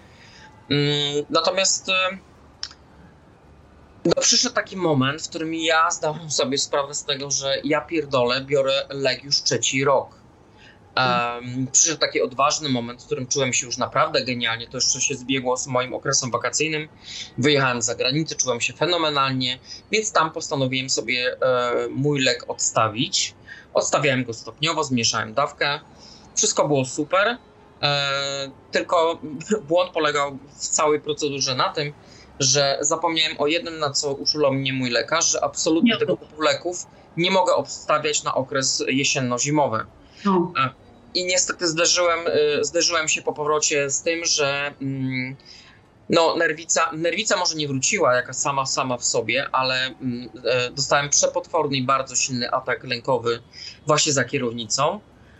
Mm, no i niestety zmusiło mnie to do powrotu do leku. Mhm. E, i, I powiem szczerze, to było e, straszne uczucie, dlatego że ja jedyne uczucie, jakie we mnie tkwiło, to uczucie porażki. To znaczy, jakbym zaczynał od nowa. Teraz już wiem, że nie zaczynam od, nie zacząłem od żadnego nowa, po prostu zwyczajnie miałem prawo popełnić błąd i ustawiłem ten lek w okresie, w którym, w którym po prostu nie powinienem. Dwa, formalnie powinienem skonsultować się z własnym lekarzem, a ja zrobiłem to na własną rękę. I wydaje mi się, że zresztą spotkałem się z masą, takim, masą takich przypadków, gdzie pacjenci odstawiają leki na własną rękę. Uważam, że to jest, e, to jest jazda bez trzymanki i nie wolno tego można robić. Można stracić efekt. Można przede wszystkim mówiąc o lekach długofalowych, to to co powiedziałeś, okres jesienno-zimowy, co ciekawe, ja z mojej praktyki bardzo przestrzegam i dobrze, że o tym też mówimy, pacjentów, osoby, yy, nie odstawiaj w okresie przesilenia nasennego, bo tam jest jeszcze większa jazda. E, I tak samo stopniowo, najlepiej tak jak powiedzieć w konsultacji z lekarzem i co jest bardzo istotne, to bardzo, bardzo, bardzo, to to co o tej porażce powiedzieć, bo ja już z tym się, my rozmawiałam, e, za każdym razem jak brałeś tabletkę mocniejszą, nazwijmy to, albo powróciłeś do leków długofalowych, to traktowałeś to jako porażkę i, i tak jakby dużo marnowałeś jakby własnej siły psychicznej, emocjonalnej, e, na to, że nie mogłeś, katowałeś się, chlastałeś, mam wrażenie, że, że tak. do leków, że to jest regres. E, chodzi o to, żeby nie zmarnować sobie tego efektu nagłym, bezsensownym odłożeniem leków. E, tutaj też ja zawsze mówię o psychiatrze, ale tutaj Mariusz zwraca na bardzo ważną e, sprawę uwagę, że chodzi o to, żeby lekarz był, żeby wzbudzał zaufanie i że my czujemy, czy ten lek działa, czy nie, że on nam go skoryguje. Psychiatrzy po prostu są w tym najlepiej wyspecjalizowani i oni paradoksalnie, mimo że brzmią groźnie, nie przypisują bezsensownie leków uzależniających, które rzeczywiście jak je odstawimy, to jesteśmy dalej w dupie, a nawet trochę dalej, w sensie głębiej. E, tak. Więc, to jest, więc to jest istotne, kwestia odstawienia. A powiedz mi jeszcze, bo u Ciebie jest bardzo ważna, czas nas niestety goni, a, a, ale fajnie jesteśmy spięci. Dajemy radę. Jak na pierwszy odcinek jestem, jestem e, bardzo zadowolona, jak, jak fajnie mi to wychodzi, że chodzi o taką syntezę, bo ja z tym mam duży problem, ale to ty tutaj przedziałasz. E, powiedz mi, e, psychoedukacja, czy ty, bo ja od ciebie dostawałam masę ciekawych filmików, nie wszystkie obejrzałam. Wysłałeś mi też kiedyś nagranie, którego do dzisiaj boję się odsłuchać z, ze swojej hipnozy, ale to na razie zostawmy, bo to jest, wydaje mi się, okay. w ogóle na osobny odcinek. Tak. Hipnoza. Ludzie, ludzie w ogóle uważam, że za mało wiedzą o tym, ale to, to chcę z Tobą porozmawiać osobno na ten temat, bo, bo, bo to, jest, to jest rozległy. Ale mm, psychoedukacja, bardzo dużo jesteś osobą, która grzebie, czyta. od Kardashianów po totalnie naukowe książki w każdym temacie. Ty wiesz, o czym ja mówię, gdzieś słyszałam, zasłyszałem filmiki, TikToki. E, ja sobie najpierw pomyślałam, czy to, to nie jest jakieś takie właśnie, że ty zaniedbujesz na przykład jakoś swój czas wolny siedząc w tym, ale z drugiej strony masę takich pozytywnych rzeczy, takich właśnie znowu uważnienie, ciągnięcie do góry. Psychoedu to jest psychoedukacja. Ale wiesz, no wiedzieć znaczy dbać o siebie. Eee, ja, ja nie mam akurat takiego umysłu, który jest. Owszem, jestem bardzo selektywny e, na to, co do mnie dociera. Kiedyś tak nie robiłem. Teraz jestem bardzo wybredny, jeśli idzie o muzykę, bardzo wybredny jestem, jeśli idzie o um, kinematografię, o książki, um, nawet i o rozmowy i tak dalej. Więc um, ja po prostu tworzę sobie taki pakiet, taki swój własny kokon e, i po prostu urządzam moje wnętrze w tym kokonie. I jedną tak. z części tego wnętrza w tym kokonie to są właśnie między innymi często właśnie filmiki e, z TikToka. E, mam dosyć specyficzne podejście do mediów społecznościowych, bo ja wiem o tym, że to jest mm, często, no. Ja uważam, że one więcej krzywdy wyrządzają niż, niż dobra, ale zawsze jest jakiś wyjątek i masa jest tam mądrych ludzi, którzy nie idą tam po sławę, tylko idą po to, żeby mm, pomóc innym E, i robią dokładnie to samo, co my robimy na przykład teraz nagrywając tego podcasta, bo, bo naprawdę masę, masę filmików e, uratowało mi dupę w niektórych sytuacjach, kiedy e, dla mnie dzień się już, że tak powiem, kończył, zamykałem się w swojej przestrzeni, kładłem się do łóżka i myślę sobie, kurwa, w końcu mam czas dla siebie. Wyłączam lęk, wyłączam stres całego dnia, ale włączam skupienie na to, co ma do powiedzenia dla mnie drugi człowiek. Mm, I owszem, dla mnie na pewno to też jest jakiś substytut y, kontaktów społecznych. Bo ja, mhm. tak jak mówię, bardzo przesiadłem, przesiałem własne towarzystwo i, mm, e, i owszem, jacyś ludzie mnie otaczają, ale jakby moje nastawienie do ludzi się bardzo mocno zmieniło. I chyba się nauczyłem asertywności. Nie do końca, e, mhm. tak jakbym chciał, ale wydaje mi się, że ona w końcu zaczyna kiełkować we mnie i uważam, że to jest zajebiste. I posiadanie zdrowego egoizmu, naprawdę ludzie, nie wstydźcie się tego, nazywać rzeczy po imieniu. Jak wam się coś nie podoba, to zwyczajnie to mówcie. Dlatego no, mm, ja stosowałem różne metody, właśnie mm, e, i medytację, która mi bardzo pomogła, mm, e, hipnoza, tak jak mówiłaś, to, to na pewno jest temat na osobne nagranie, ale nadmienię tylko, że hipnoza to był taki bilans zysków i strat. Bardzo dużo zyskałem dzięki niej, bo ona mi pokazała, że jakby moje, moja obecność tutaj na tym padole ziemskim jest w końcu uzasadniona. I ja bardzo dużo dobrej energii wyniosłem z tego, ale miała też bardzo dużo mroku w sobie i zobaczyłem masę rzeczy, które nie wiem, czy byłem na to gotów. Właśnie, to jest Zapra- też tak jak z lekami, prawda? Że odpowiednio. Dokładnie, dokładnie. Natomiast ja tego nie żałuję Uważam, że to, był, to była jak kula śnieżna, czyli od pierwszego objawu u mnie depresji, którego nie zauważyłem, aż do momentu dzisiejszego, kula śnieżna się toczyła i nawarstwiała. Tylko na szczęście już topnieje. I a wszystkie te przeżycia, które były wstecz, kiedyś ja miałem tendencję do tego, że bardzo rozpamiętywałem, bardzo często wracałem do przyszłości. A czemu to? A czemu ten ktoś mnie tak potraktował? A czemu ktoś mnie zostawił? A dlaczego jestem tak długo sam? I tak dalej, i tak dalej, i tak dalej. Ciągle szukałem niemych odpowiedzi, bo tak naprawdę nikt nie był w stanie mi na to odpowiedzieć, jak tylko ja sam sobie. Mm. Czyli to, była, to był monolog sam ze sobą. Natomiast teraz widzę, że mimo czasami bolesnej przyszłości, e, uważam, że gdyby nie bolesna przeszłość, to ja nie byłbym teraz takim człowiekiem, jak jest. Nas, jest tylko jedna rzecz na tym świecie, która y, skłania nas do nauki i do uważności. To jest cierpienie. jak coś boli i boli długo, to uczy skutecznie. Mm. To jest naj, dla mnie to jest najważniejsza lekcja z tej choroby. Że jak boli, to znaczy, że się uczysz. Tobie się wydaje, że tylko cierpisz i się czołgasz po ziemi, w błocie i tak dalej. I oczywiście mówię to w przenośni, ale, ale naprawdę zdałem sobie sprawę z tego, że wszystkie, cały pakiet doświadczeń tych negatywnych, tych, kiedy ktoś nas, nie wiem, zdradził, obraził, mm, zrobił nam przykrość, spowodował łzy i cierpienia i tak dalej, czy oszukał, e, i przyjaciele, którzy nas opuścili, albo mieli nas głęboko w dupie i mieli wyjebane na nas, Mhm. e, to owszem, zróbmy z tym porządek, ale stwórzmy sobie taki osobny pokój we własnej głowie, w której mm, potraktujemy to jako trofeum, bo finalnie to cierpienie jest dla nas przyczynkiem do tego trofeum, jakie zdobywamy, czyli to, że się uczymy. Bo gdyby nam w życiu było miło i przyjemnie, to kurwa, wierz mi, jakimi się rodzimy e, dzieciakami, które no, mają swój własny świat i niewiele wiedzą na temat obecnego świata, takimi byśmy zostali do późnej starości. Mm. Tylko i wyłącznie przez ból się uczymy. To jest prawda. Najciekawsze osoby, e, najbardziej e, inspirujące, na, najpiękniejsze tak naprawdę są osoby, które e, miały pod górę, którym nic- nie przyszło wiele rzeczy łatwo i często mają patologiczną przeszłość e, za sobą, którą gdzieś tam noszą w sobie, e, ale, ale nic nie przyszło im łatwo. To są najpiękniejsi, najciekawsi. To jest, to jest prawda, to nie jest frazes, nie? To jest prawda. coś- Dokładnie. Mm, Ja to zdanie, które powiedziałeś, zostawię na zakończenie, bo mi się to bardzo podoba i myślę, że to jest clue. Do, naszego, do naszej rozmowy e, chciałam e, jeszcze zapytać Ciebie o przeszłość.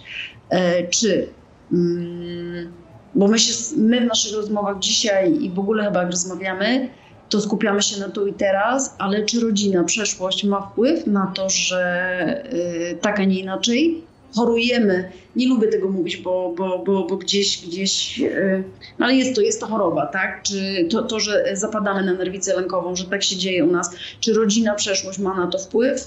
Kolosalny. kolosalny. Mm. Kolosalny. Um, I zresztą muszę powiedzieć coś takiego, y, może trochę nietypowego, bo może tu się pobawimy trochę w taką magię słowną, ale mm, wszyscy, którzy nas słuchają teraz, proszę Was o jedno, e, żebyście zawsze słuchali swojej intuicji. Każdy człowiek ją ma. I a, ja przez pół swojego życia próbowałem e, intuicję zagasić rozumem, sercem, i za każdym razem, kiedy nie posłuchałem intuicji, wychodziłem na tym przechujowo. I naprawdę trzeba to nazwać przechujowo. Kurewsko przechujowo. Um, I przyszedł taki moment, że na szczęście się w miarę e, szybko opamiętałem i zaprzyjaźniłem się z własną intuicją.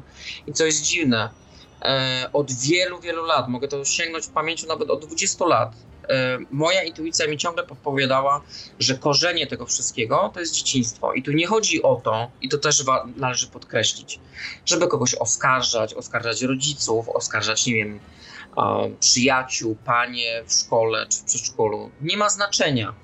Ludzie zawsze byli i będą się blisko nas i żyjemy jako zwierzęta statne, żyjemy wśród ludzi.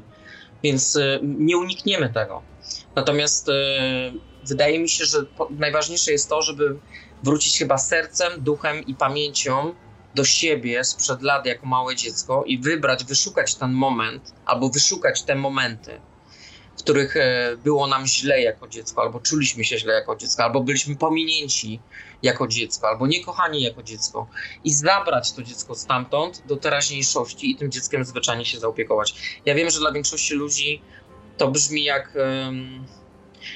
e, jak rozmowa w obcym języku albo jak opowiadanie jakichś bajek. Ja kiedyś też w ten sposób na to patrzyłem i często, zresztą no właśnie moja przewodniczka duchowa Irena mi mówiła, no przecież ty musisz w końcu pokochać swoje wewnętrzne dziecko, zaopiekuj się swoim wewnętrznym dzieckiem. A ja ciągle na "Kurwa, co, co ty, co, o co ci chodzi? Jak ja mam, jak ja nie potrafię w obecnej postaci siebie pokochać, to jak, ja- jak ja mogę cofnąć siebie do przeszłości i pokochać, pokochać swoje mm, wewnętrzne dziecko? No jakiś absurd. No ale na to wszystko faktycznie trzeba czasu. Trzeba chyba wyciszenia się trochę w środku, wyciszenia się trochę w głowie. Mm, na pewno dzieciństwo jest kolosalnym e, mm, aspektem. Ja wiesz, od strony psy, psychologicznej na tym się nie znam, ale, ale mam taką świadomość, że jednak dziecko jak się rozwija, rozwija się jakby emocjonalnie i psychicznie do pewnego etapu i to, co nazbieramy przez ten okres, um, rzutuje potem na całe życie. A skąd to wiem? Z prostej przyczyny, bo mam przecież, otaczam się też ludźmi i widzę, jak zachowują się osoby, które miały szczęśliwe dzieciństwo, były kochane, wspierane, i wierzono w te dzieci. To są ludzie teraz, którzy odnoszą sukcesy, którzy są pewni siebie. Zajebisty, no a wielu z nas ma ten negatywny, tak. Dzieci są jak walizka, ile włożysz, tak. tyle wyciągniesz. Y, jest to, jest to prawda, jest to proste. Natomiast y, od razu tutaj też dodam, bo się udało mi strzelić, w sensie nie chcę ci przerywać, ale dodam, że e, bo się, bo a, a propos tego, co pomaga, a propos tego, co jest ważne w tych punktach, tutaj w takich punktach sobie to tutaj notuję,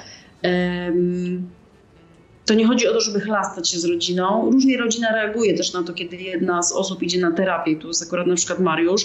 E, ale to, co mi się podoba i to, co jest ważne, to, że tak naprawdę gdzieś poruszasz trudne tematy, cofamy się gdzieś do tej przeszłości, ale nie chodzi o to, żeby wyciągać rózgę i chlastać siebie i bliskich, a raczej o zrozumienie, wiedzieć może, kto jest odpowiedzialny, żeby dla siebie zbudzić tą wyrozumiałość, bo ta wyrozumiałość powoduje, że dostrzegamy wreszcie to dziecko i bierzemy je na kolana, nie? Zgadzam się w 100%. Tak, natomiast nie chodzi też o to, bo tutaj też Wam opowiem, że właśnie tutaj Mariusz ma bardzo dobre relacje z rodziną, a jednocześnie gdzieś da się w terapii poruszać tematy, gdzie e, ta rodzina też popełniła błędy. No, oczywiście, że tak. Ojciec i mama. To, co chcę istotnego powiedzieć, i to jest, wydaje mi się, przesłanie dla, no, dla wszystkich, naprawdę.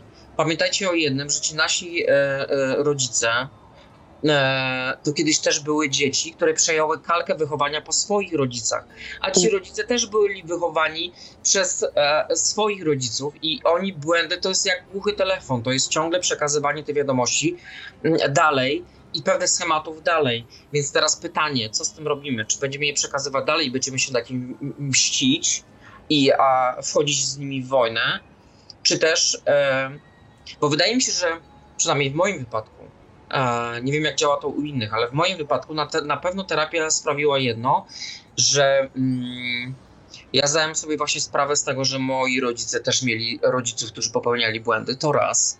Czyli, e, a bardzo często jest tak, że ludzie bardzo w młodym wieku wkraczają w dorosłe życie. Szybko mhm. jest ślub, szybko jest jakieś na przykład dziecko i tak dalej. Odpowiedzialność, popełnia się masę gdzieś błędów po drodze, nie zdają sobie sprawy z ich konsekwencji. I wydaje, się, wydaje mi się, że mnie jako w cudzysłowie ofierze ich postępowania, ale nie tylko ich, bo też ich moich rówieśników ze szkoły i tak dalej, czy nauczycieli i przyjaciół, cały pakiet, ale zasada kluczowa dla mnie jest taka, że ja nie chcę e, nikogo rozliczać za jego błędy z przeszłości, bo nie ja od tego jestem. I szkoda czasu też. I szkoda czasu. Moim zadaniem jest to zrozumieć, myślę, że jestem na dobrej drodze, bo skoro zdajemy sobie już sprawę z tego, że oni też byli wychowani przez osoby, które popełniały błędy, więc mają prawo do popełniania błędów, mhm. co jest dla mnie już mega wielką ulgą, i wybaczyć, i iść dalej. Ale muszę na jedną rzecz też bardzo istotną powiedzieć, bo teraz przyszło mi to do głowy. Um, I to jest takie przesłanie dla osób, które właśnie boją się pójść na terapię.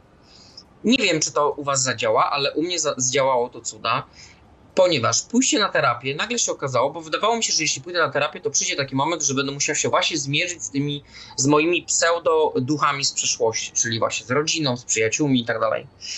Czyli będę musiał doprowadzić do konfrontacji słownej z między, między nimi i, i, po prostu mm, wykrzyczeć z siebie wszystko to, co mi e, na sercu leży. A nagle się okazało, że to nie jest tak do końca, bo jeśli ty się terapeutyzujesz, to jakimś dziwnym trafem zmienia się w, w tobie energia, i ludzie wokół ciebie się też zmieniają.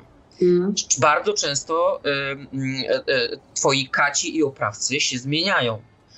I nie musisz z nimi doprowadzać do konfrontacji, nie musisz z nimi czasami na pewne tematy dyskutować, bo ich sposób reagowania i odbierania ciebie nagle dziwnym trafem się zmienia. I to jest, to jest dla mnie trochę magia właśnie terapii, bo w życiu bym w to wcześniej nie uwierzył, gdyby ktoś mi kiedyś w przeszłości o czymś takim powiedział, a ja to zwyczajnie u siebie zauważyłem, że ja nie prowadziłem rozmów z osobami, które dały mi popalić, ale pracowałem nad sobą. I nagle się okazało, że zmiana we mnie spowodowała zmianę w nich. Tak.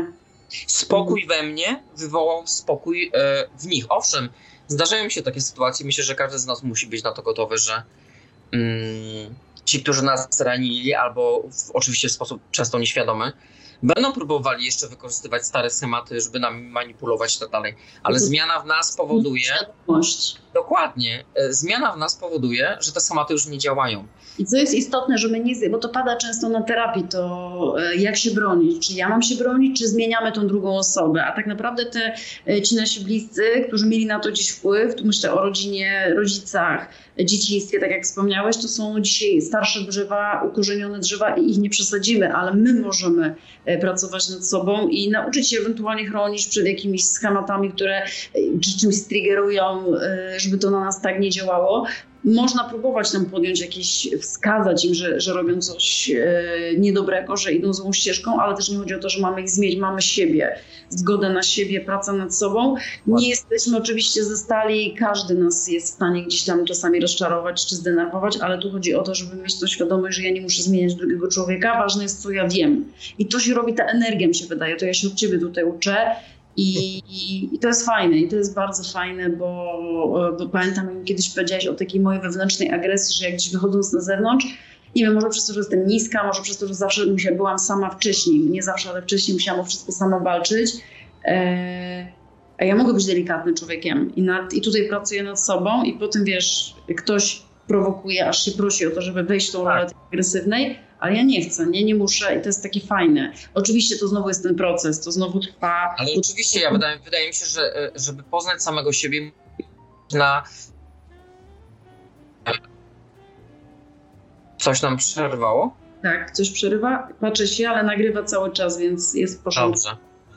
No to proszę Państwa, to takie e, efekty techniczne. O, znowu coś przerywa. A już myślałam, że będzie tak pięknie. Że będzie tak pięknie, że, że dotrwamy do końca. powiedzieć, ja uważam, że kluczowym jest... Dobra. Halo? Problemy techniczne. Problemy techniczne, tak, przepraszamy Państwa. Było prawie półtorej godziny ciągiem, więc, więc jest dobrze. Jeszcze się przeraziliśmy, że, że nie nagrało nam rozmowy, ale Mariusz ogarnia, także uff.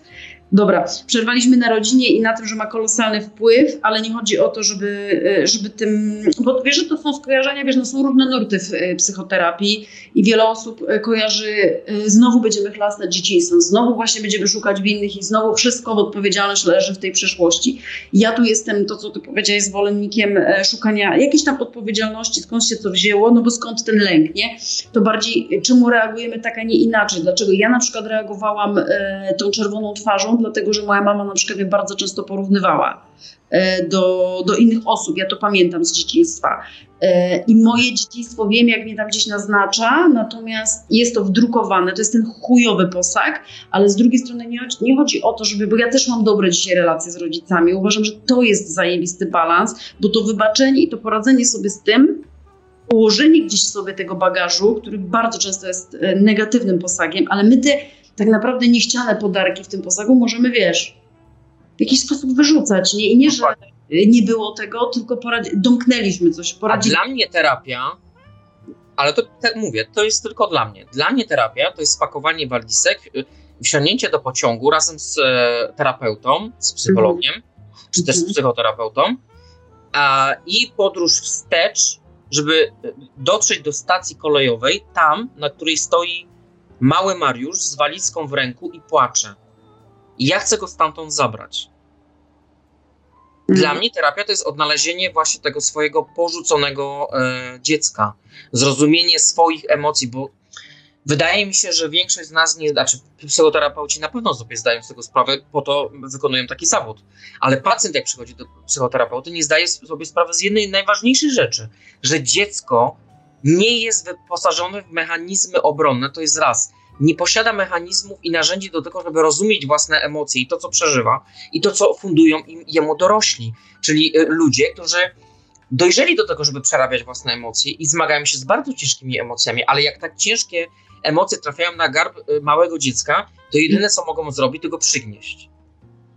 Tak. No owszem, on potem wstaje, ale wstaje już z traumą. I e, e, załóżmy, że jakaś trauma dotyczy wieku, nie wiem, 7 lat, 6, może 5 i ten dzieciak kroczy przez to całe życie niby uśmiechnięty, świetnie się uczy. Ja, ja byłem dokładnie taki sam. e, e, dobrze się uczyłem, e, ogólnie byłem bardzo radosnym dzieckiem i tak dalej. I nagle dochodzę do wieku tam, nie wiem, 30 parę i dostaję pierwszy atak paniki. Więc Mhm. zdałem sobie sprawę z tego, jak długo ja targałem na swoich plecach garb nieprzerobionych emocji z dzieciństwa. Mm. To jest dla mnie terapia. Tak, i, ale chodzi też o to, że przyjmujemy, że powroty i do jakichś tam doświadczeń też traumatycznych mogą być trudne, ale po to jest terapeuta właśnie, żeby mieć to wsparcie i żeby, żeby przez to przejść, no bo trzeba, trzeba jakąś ranę, ona się dalej jadzi, e, jednak otworzyć i pogrzebać, i, ale to chodzi o to, żeby ją zamknąć, dobrze opatrzyć i żeby się mogła zabliźnić w taki rozwojowy sposób. I to boli, to co powiedziałeś, to znaczy, że się uczysz. Natomiast to też chodzi o to, że analizując to, y, jest, panuje według mnie takie przekonanie, że to jest y, rozrywające, chlastające y, i to odstrasza trochę od terapii, mi się wydaje. Może w innych nurtach też, bo ja mówię akurat o, o, o cybecie, nie? Ale, ale mm, to nie jest tak, to jest podróż. E, I są, są momenty, które są na pewno trudne i z czymś trzeba, no ale też po to, tutaj jest pierwsza różnica, że poprosiłem o pomoc, nie jestem z tym sam i e, jest ta z, z zewnątrz siła, nie? Ja myślę, że jeśli każdy zrobi ten pierwszy krok i przyzna, przyzna się przed samym sobą, że ma problem i że po prostu ja choruję, możesz sobie to nazwać, że chorujesz na chorobę X, Y, Z. Ja to nazwałem, że choruję na nerwicę lękową, bo Mhm. tak to po prostu zwyczajnie e, czułem i jednak dobrze czułem. I Mhm. wiedziałem, moja intuicja mi to powiedziała, że na to choruję. Mhm. To, e, to automatycznie gdzieś znika chyba jakiś wstyd. Ja myślę, że ogólnie, mm, szczególnie chyba w Polsce, jest taka mentalność ludzi, że my się wstydzimy prosić, naprawdę prosić o pomoc. Jesteśmy ogólnie narodem w trybie zadaniowym. Mm, Wszystko musi być świetnie, a najlepiej tak świetnie jak u sąsiada Mhm. e, albo u rodziny. No, ludzie drogi, drodzy, dajcie sobie pozwolenie na porażki, dajcie sobie e, pozwolenie na to, żeby błądzić, dajcie sobie pozwolenie na to, żeby kurwa czasami upaść i zaryć ryjem o ziemię. Mm, Ja myślę, że e, szczególnie nas, lękowców, to do, dotyczy, że jesteśmy pierdolonymi ambicjonalistami, perfekcjonistami. Tak, Mm, e, Mhm. Tak, to jest te, ten typ osobowości. Ja też taki byłem i naprawdę nie zdajecie sobie sprawy z tego, jak niesamowicie uwalniające jest a, pozwolenie sobie na ułomność.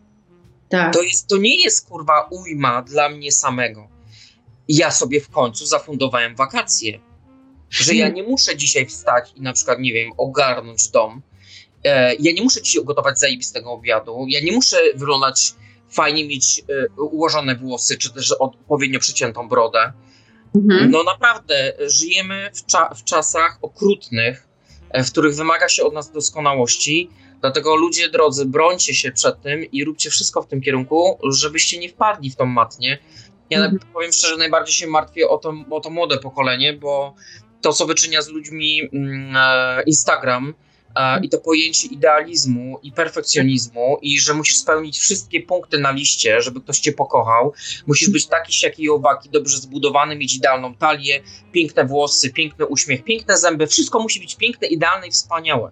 Więc ja się pytam, jeśli tacy, tacy ludzie się połączą ze sobą, a nawet jeśli nie połączą i kroczą przez życie potem sami, no to ja im serdecznie współczuję. Ja sobie też współczuję, bo też wpadłem w tą matnię.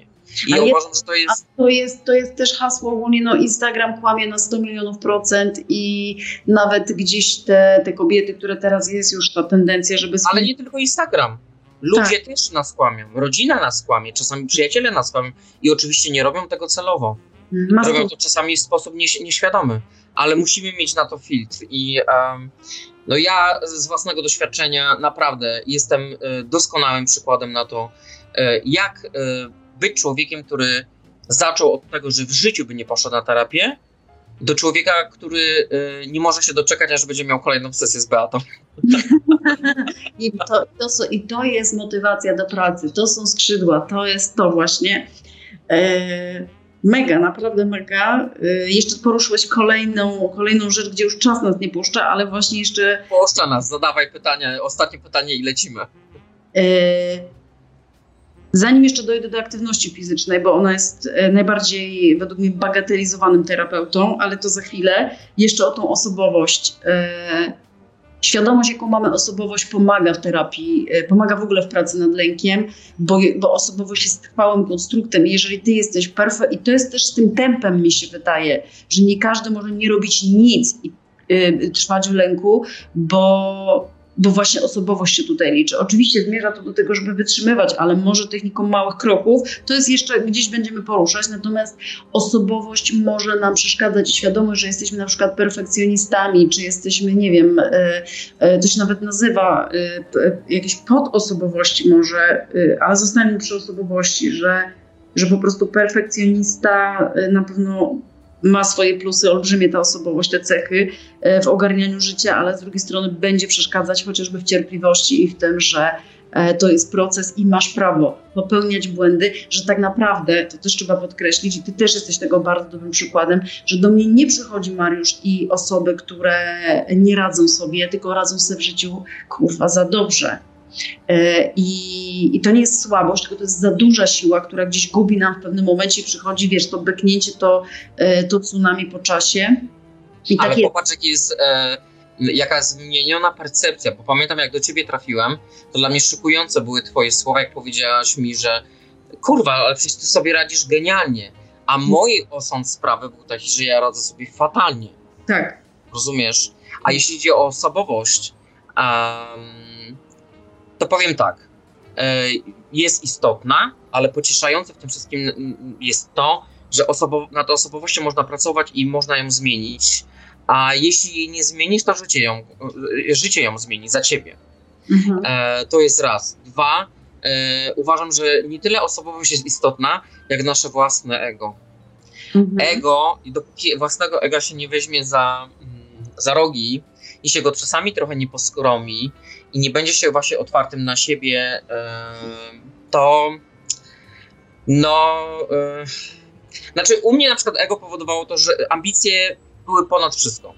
Musiało być zawsze idealnie, perfekcyjnie. Natomiast w finalnym rozliczeniu, mm, jak ja się na przykład przyglądałem swojej pracy zawodowej, to ja masę razy dawałem po prostu dupy, bo mi się zwyczajnie nie chciało. Ale wydawało mi się, że robię genialnie, po prostu wręcz zajebiście. Mm. Ja uważam, że tutaj nie ma, nie ma chyba reguły, ale wydaje mi się, że to, co nas spaja wszystkich lękowców, to to, że, że każdy z nas ma jakąś przeszłość. Mamy masę, tak jak powiedziała kiedyś Kasia Nosowska, którą no, notabene oboje bardzo lubimy, często w naszych rozmowach o niej gadamy, to fakt, że, mm, że mamy masę y, y, braci i sióstr, którzy tak. kroczą naszymi krokami. Przed nami jest wiele tych ludzi i ja kroczę ich krokami, a za mną też podąża masę, tak. wiele ludzi. I na przykład... E, e, powinno się mówić, mam tą nerwicę wracając do pierwszej, pierwszego kroku w pracy, w walce z lękiem, jest powiedzenie, bo nawet nie wiesz ile wróci, to jest Kasia Nosowska, tak. ona gdzieś u ciebie przeczytałam w jakiejś korespondencji, że nie, nawet nie zatrważająco dużo i tak naprawdę, bo jesteśmy zrodzeni też z lęku i taki styl życia, taki jest tempo świata, e, zatrważająco dużo ludzi to ma, nawet nie wiesz ile braci i sióstr e, posiadasz, jestem jedną z nich, jesteś jednym z nich, do tego mamy pandemię, mamy wojnę na Ukrainie, to tylko tak. nas jeszcze bardziej tym przepełnia, nie? I, I tak naprawdę, co ciekawe, osoby z zaburzeniami lękowymi lepiej reagowały na te wszystkie wydarzenia, bo one są zaprawione w bojach, nie? Dokładnie.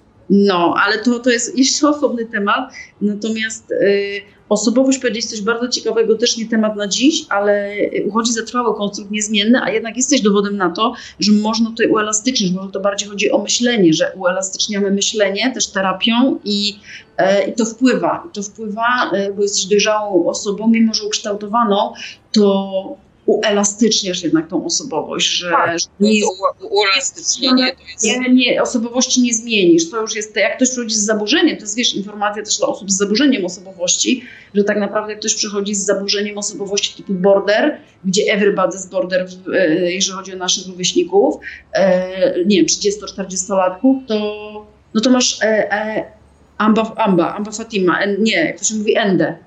Mhm. Amba Fatima było i nie ma, jakoś tak to się mówi. Nie, nie? może ja to, e, wiesz, ja nie jestem psychologiem, więc może to nazwałem w sposób nieprofesjonalny. Chodziło mi o to, że ja zupełnie pozmieniałem punkty mm, wrażliwości w mojej osobowości. Poprzestawiałem y, y, punkty, które mnie, rzeczy, które mnie bardzo Elastyczność. tak, wzbudzały we mnie jakieś właśnie agresję.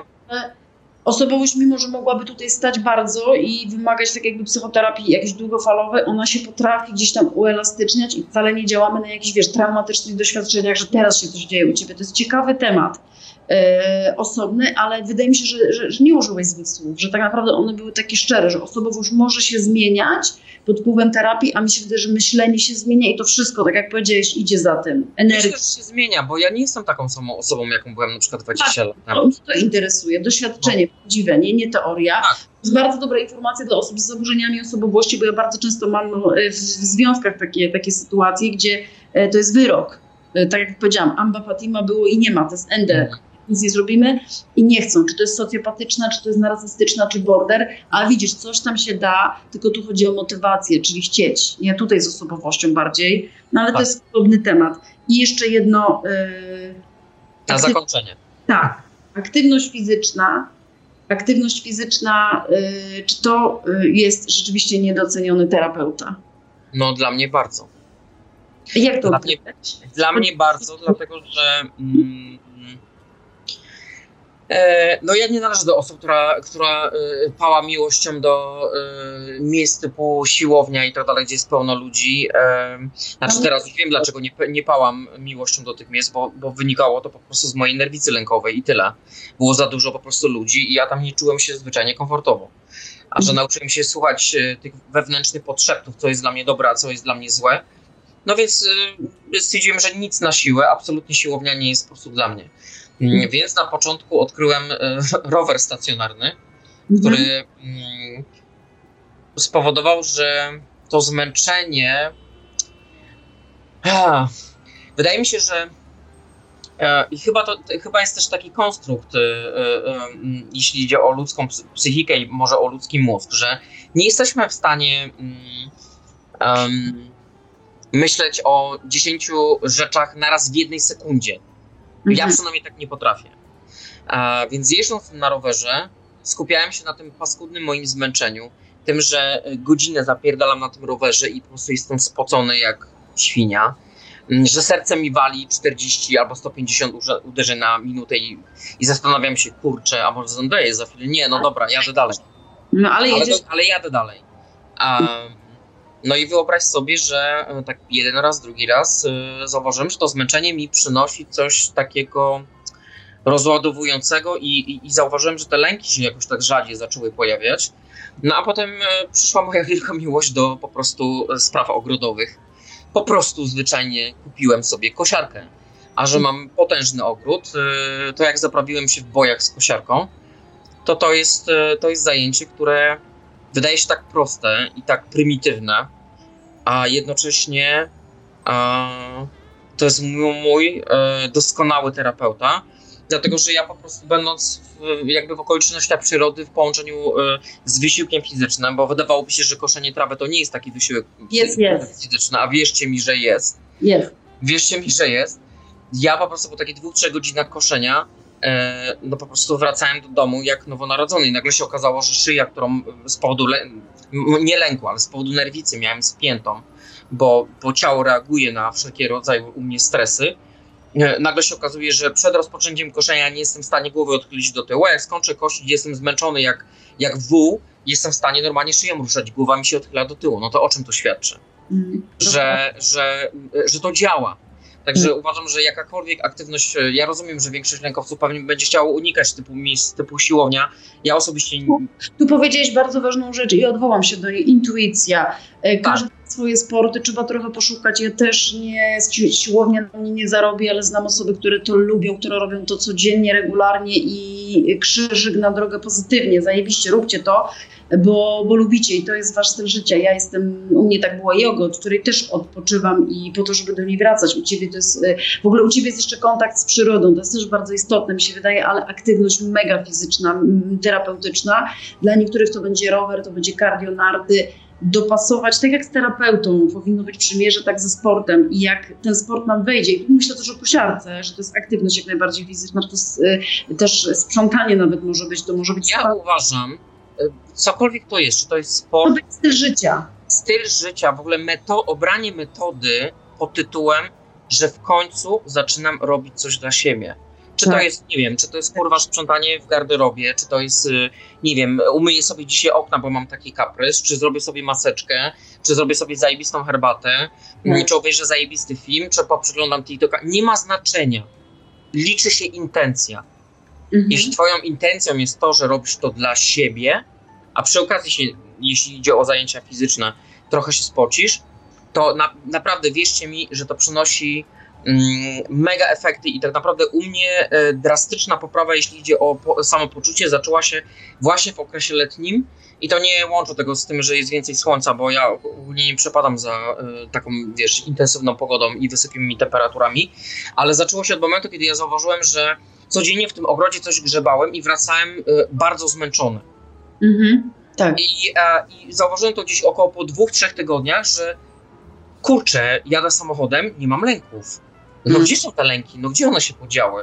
Ja Mm. wiem, ja, to wciąż idzie ten sam Mariusz, który przeszedł ten pierwszy atak te, paniki w Atenach, Tak. ale wciąż pamiętający o tym wydarzeniu, tylko że jakby mm, ranga tego wydarzenia e, i to chyba jest najbardziej pokrzepiająca wiadomość, którą można przekazać każdej osobie, która ch- choruje i z lękowcem, że ranga tego zdarzenia e, z biegiem czasu maleje. I chyba to jest podstawa zdrowienia. Mhm. Że ty będziesz zawsze to pamiętał, do końca swoich dni będziesz to pamiętał. Natomiast twoje podłączenie emocjonalne do tego wydarzenia e, po jakimś czasie no po prostu będzie takie, że pokażesz temu wydarzeniu środkowy palec. Wszechczasów. I to jest właśnie odpowiedź dla wielu osób, które zadaje to pytanie. I wiesz, ty zawsze tak potrafisz to powiedzieć, Mariusz, a ja tego nie zapiszę i nie potrafię tego otworzyć, dlatego w chuj się cieszę, że to nagrywamy. Możesz na mnie zawsze liczyć. Powiedz mi jeszcze, bo to, jest, to, to było też zajebiste, że wiecie co on zrobił? E, wykosił ludziom, żeby spacerowali, to się wał nazywa, co to Tak, było? tak. Ile tego było metrów? E, No ja mieszkam blisko miejsca, w którym przebiega e, wał nad rzeką Wisłą, naszą wspaniałą polską rzeką Wisłą. I to jest akurat trasa, małopolska trasa mm, rowerowa i, e, no i tak naprawdę gmina powinna o to dbać, powinna to po prostu kosić. Ludzie tam często na rowerach jeździli. e, No ja tak obserwowałem proceder, że e, gmina budziła się gdzieś w okolicach września, kiedy już dzieciaki szły do szkoły i, i, i nic nie robiła. Trawa była po samą szyję. Więc po prostu wpadłem na pomysł, że choćbym kurwa miał tam trupem paść, to 20 km tego wału wykoszę. Mhm. No więc e, odpaliłem sobie zegarek smartwatcha, podpiąłem go, włączyłem ile kilometrów zrobię e, podczas tego koszenia, no i pięknym trafem wyszło, że wyszło ponad 20 kilometrów. No i Mm. trasa jest jak dzwon, do dzisiaj e, codziennie widzę ludzi jeżdżących z dzieciakami na, mm, e, na rowerach i naprawdę to tak cieszy serce. Często nawet padają takie hasła, bo słyszę to z ogrodu, że mm, o, jak ktoś zarąbiście wykosił tutaj e, trawę, można jeździć na rowerze. Super. No. I mnie to bardzo dużo dało, że zrobiłem coś dla obcych ludzi, ale tak naprawdę zrobiłem dla siebie. Bo ja miałem taki kaprys. Ja widziałam zdjęcie, to naprawdę wyglądało nie tyle imponujące, ale przepięknie po prostu. E, Cała e, otoczenie z tą wykoszoną e, przez ciebie trasą. Jesteś po prostu. E, No, Taki każdy z nas jest y, po części magikiem. Jak sobie wyczarujemy y, samego siebie i emocje wokół siebie, to tak będziemy też czarować potem ludzi wokół siebie i tych, którzy przyciągamy do siebie. Tak. Więc y, do mnie to już na szczęście dotarło, że, że złą energią nic dobrego do siebie do życia nie przyciągnę. E, I każdy ma prawo myśleć negatywnie, i każdy ma prawo mieć gorsze dni. Mm, I to jest też po prostu zajebiste, ale, e, ale wydaje mi się, że chyba czas najwyższy. Zresztą, tak na koniec powiem, żyjemy w takich czasach, że musimy się naprawdę określić i, i, i żeby to nie zabrzmiało politycznie, chociaż może tak zabrzmieć, e, że musimy się określić. Albo idziemy po prawej stronie chodnika, albo po lewej. Nie możemy iść w rozkroku, bo nas rozpierdoli po prostu na Mm. pół.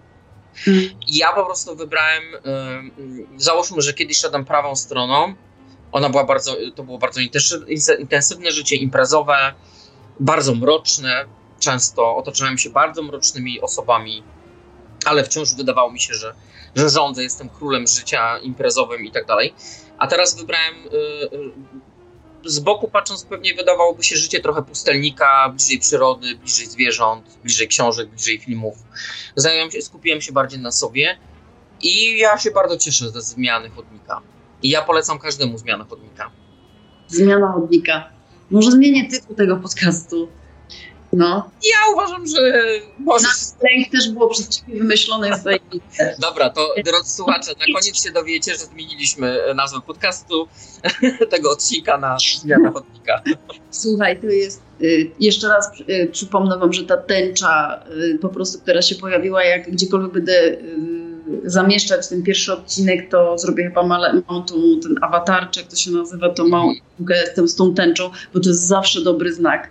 E, Podsumowując e, to wszystko, co powiedziałeś, ja mam, zawsze patrzę na swoje notatki i myślę, co to jest, ja tego nie odczytałam. Dobra. Punkt pierwszy, dajmy na to, ktoś ma zaburzenia lękowe i mówię w tej chwili do osoby, która jest sceptyczna i w ogóle e, terapeuta to zło i, i, i w ogóle nie wierzy i ma do tego prawo, ale też do osób, które podchodzą do tego z ciekawością lub z chęcią. E, Przede wszystkim bardzo ważne jest, żeby, e, żeby powiedzieć o tym, że, że, że po prostu mam ściągnąć maskę. Na zasadzie mam nerwicę, mam problem, można mniej lub bardziej szczegółowo. Mm, Jest to już jakieś tam po, poproszenie tak naprawdę o zrozumienie i o pomoc, co jest w ogóle według mnie terapeutyczne i przełomowe. Pojawia się tu hasło, to jest punkt drugi dla mnie, to akurat zanotowałam, uważnienie, e, czyli terapia, e, ale to, co ty powiedziesz przede wszystkim, uważaj, kim się otaczasz, e, bo w dobrych intencjach, szczególnie bliscy, potrafią wciągnąć nieźle w dół, liczą się osoby, które ciągną nas do góry i tacy duchowi przywódcy, bo przywódcy, prze, przewodnicy, o to jest lepsze słowo. E, tutaj zbym do tej intuicji, żeby zaufać tej intuicji, e, że po prostu ktoś nie musi być psychologiem, terapeutą, ale po prostu mądrze mi mówi, przemawia to do mnie i ta rozmowa, czy to jest moja Aleksandra Zdekini, czy to jest Irena, e, ważne kim się otaczamy, kiedy zaczynamy się tak świadomie mierzyć z lękiem. E, każdy ma swoje tempo. Mówię, żeby nie szukać winy winnych. E, E, Widzisz, no i mam problem z rozczytaniem się. Zaopiekuj się sobą, swoim wewnętrznym dzieckiem. To wewnętrzne dziecko jest wyświechtanym terminem, ale to jest istotne, żeby je wziąć na kolana. Tutaj mówimy, to już mówiliśmy o tym wcześniej, więc ja tutaj też już ogólnie w skrócie mówię. Punkt czwarty, nastawienie się na proces. Nie róbmy sobie żadnych terminów. E, Jest to kawał też pracy na akceptacji, że gdzieś to potrwa i to jest też trudny, ale wymienia, według mnie też tak jak rozmawialiśmy, istotne w ogóle w tym, jak, jakby ktoś mnie zapytał dzisiaj właśnie, jak to jest, bo często z tymi zaburzeniami lękowymi. No to taki jest punkt czwarty u mnie wypadł z naszej rozmowy, nastawienie się na proces. E, Potem poruszyliśmy temat farmakologii, czyli e, elementu leczenia, e, jacy lekarze, to samo. E, Mają nie tyle, e, przymierza też, że mają zaufanie, ale oni po prostu mają być e, dobrymi specjalistami. Czy kiedyś mówiliśmy o medycynie estetycznej, czy to będzie psychiatra, czy lekarz, czy ginekolog, on musi mieć wiedzę i to widać, że on ją ma. Możemy o nią zapytać też, e, kim jest, dyplomy. E, Punkt szósty, psychoedukacja. e, Wiedzieć to znaczy dbać o siebie, ty to powiedziałeś. I tu mówiliśmy o social mediach, oczywiście też o negatywnym wpływie. E, Tutaj może warto rozróżnić, to już nie w punktach, ale bo my jesteśmy osobami po 40, ale e, social media dla młodszych osób to też jest zgubne, ale powiedzmy, że można się też, też jest masa fajnych osób, które się dzielą też doświadczeniem.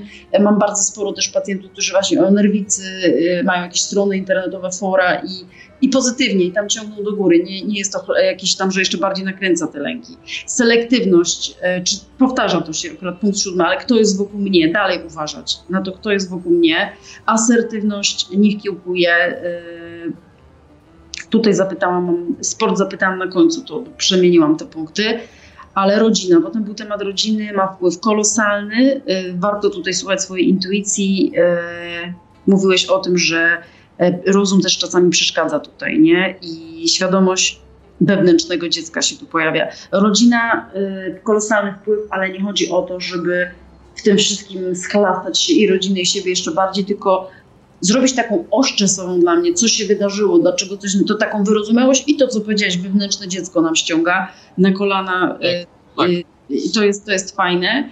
Mm, Potem miałam tutaj, e, potem poruszyliśmy jeszcze e, świadomość osobowości, że ona albo pomaga, albo przeszkadza. Powiedziałeś o ego, że tutaj bardziej trzeba się e, gdzieś tam z nim sobie poradzić i, i, i czasami spuścić z tonu, tudzież zdrowy egoizm, żeby tego nie mieli, że też jest ważny.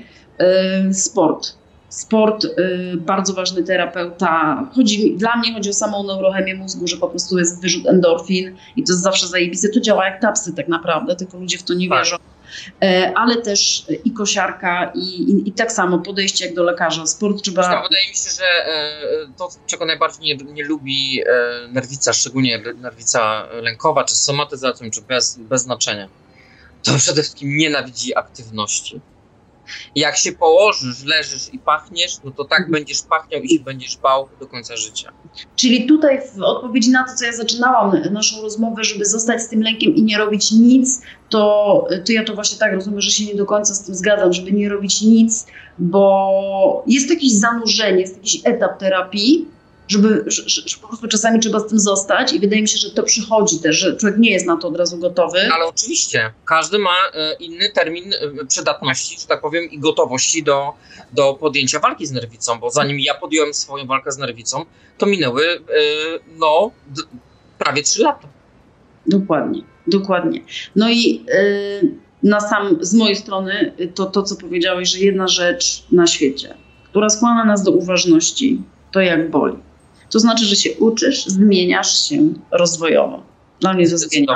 Tak, ja uważam, że to powinno być w ogóle podsumowanie naszego dzisiejszego spotkania. Nie, boj, nie bójcie się tego, y, że boli. Jak boli, to znaczy, że się leczycie. Tak. To znaczy, że idzie do przodu. Wszystko, co najlepsze tak naprawdę w tym życiu zaczyna się gdzieś od bólu. A poza tym ból jest zawsze zaczynkiem y, y, zmiany. I Tak. e, jestem święcie przekonany, że zmiany na lepsze. Tak. Nikt, nikt, nie powiedział, że to będzie łatwa przygoda, że to będzie, że to będzie mm, e, prosty zabieg. Tak jak powiedziałem to na początku, że wezmę tabletkę, nie wiem, spotkam się z Beatą albo z innym, e, nie wiem, coachem albo e, psychoterapeutą i po prostu pstryk już jestem wyleczony. Nie. Mm. Nie, ja wydaje mi się, że zresztą jest bardzo błędne pojęcie wśród wielu ludzi, że, że to tak naprawdę psycholog za ciebie załatwia wszystko. Nie. Ja uważam, że psycholog jest dla ciebie jakimś drogowskazem i takim, e, takimi światłami typu zielone, pomarańczowe, zielone, na, tak jak jest na skrzyżowaniu na przykład. I on ci pokazuje, co jest, co pozwala ci rozpoznać twoje po prostu emocje, ale to, jak ty sobie z nimi finalnie poradzisz i co z nimi zrobisz, no to, to jest twoja praca. To jest po prostu twoja praca. I też y, to też w psychoterapii, w nurcie, w którym ja się poruszam, i to jest zgodne, że pacjent ma wiedzę. Pacjent jest tak naprawdę ekspertem. Różne ma tempo, różne ma momenty. E, Ważne jest przymierze z terapeutą, żeby ono było i tutaj też zachęcam do tego, żeby jak coś nie pasuje, bo ja jestem specyficzna, e, ktoś prowadzi e, inaczej terapię w różnych nurtach w ogóle.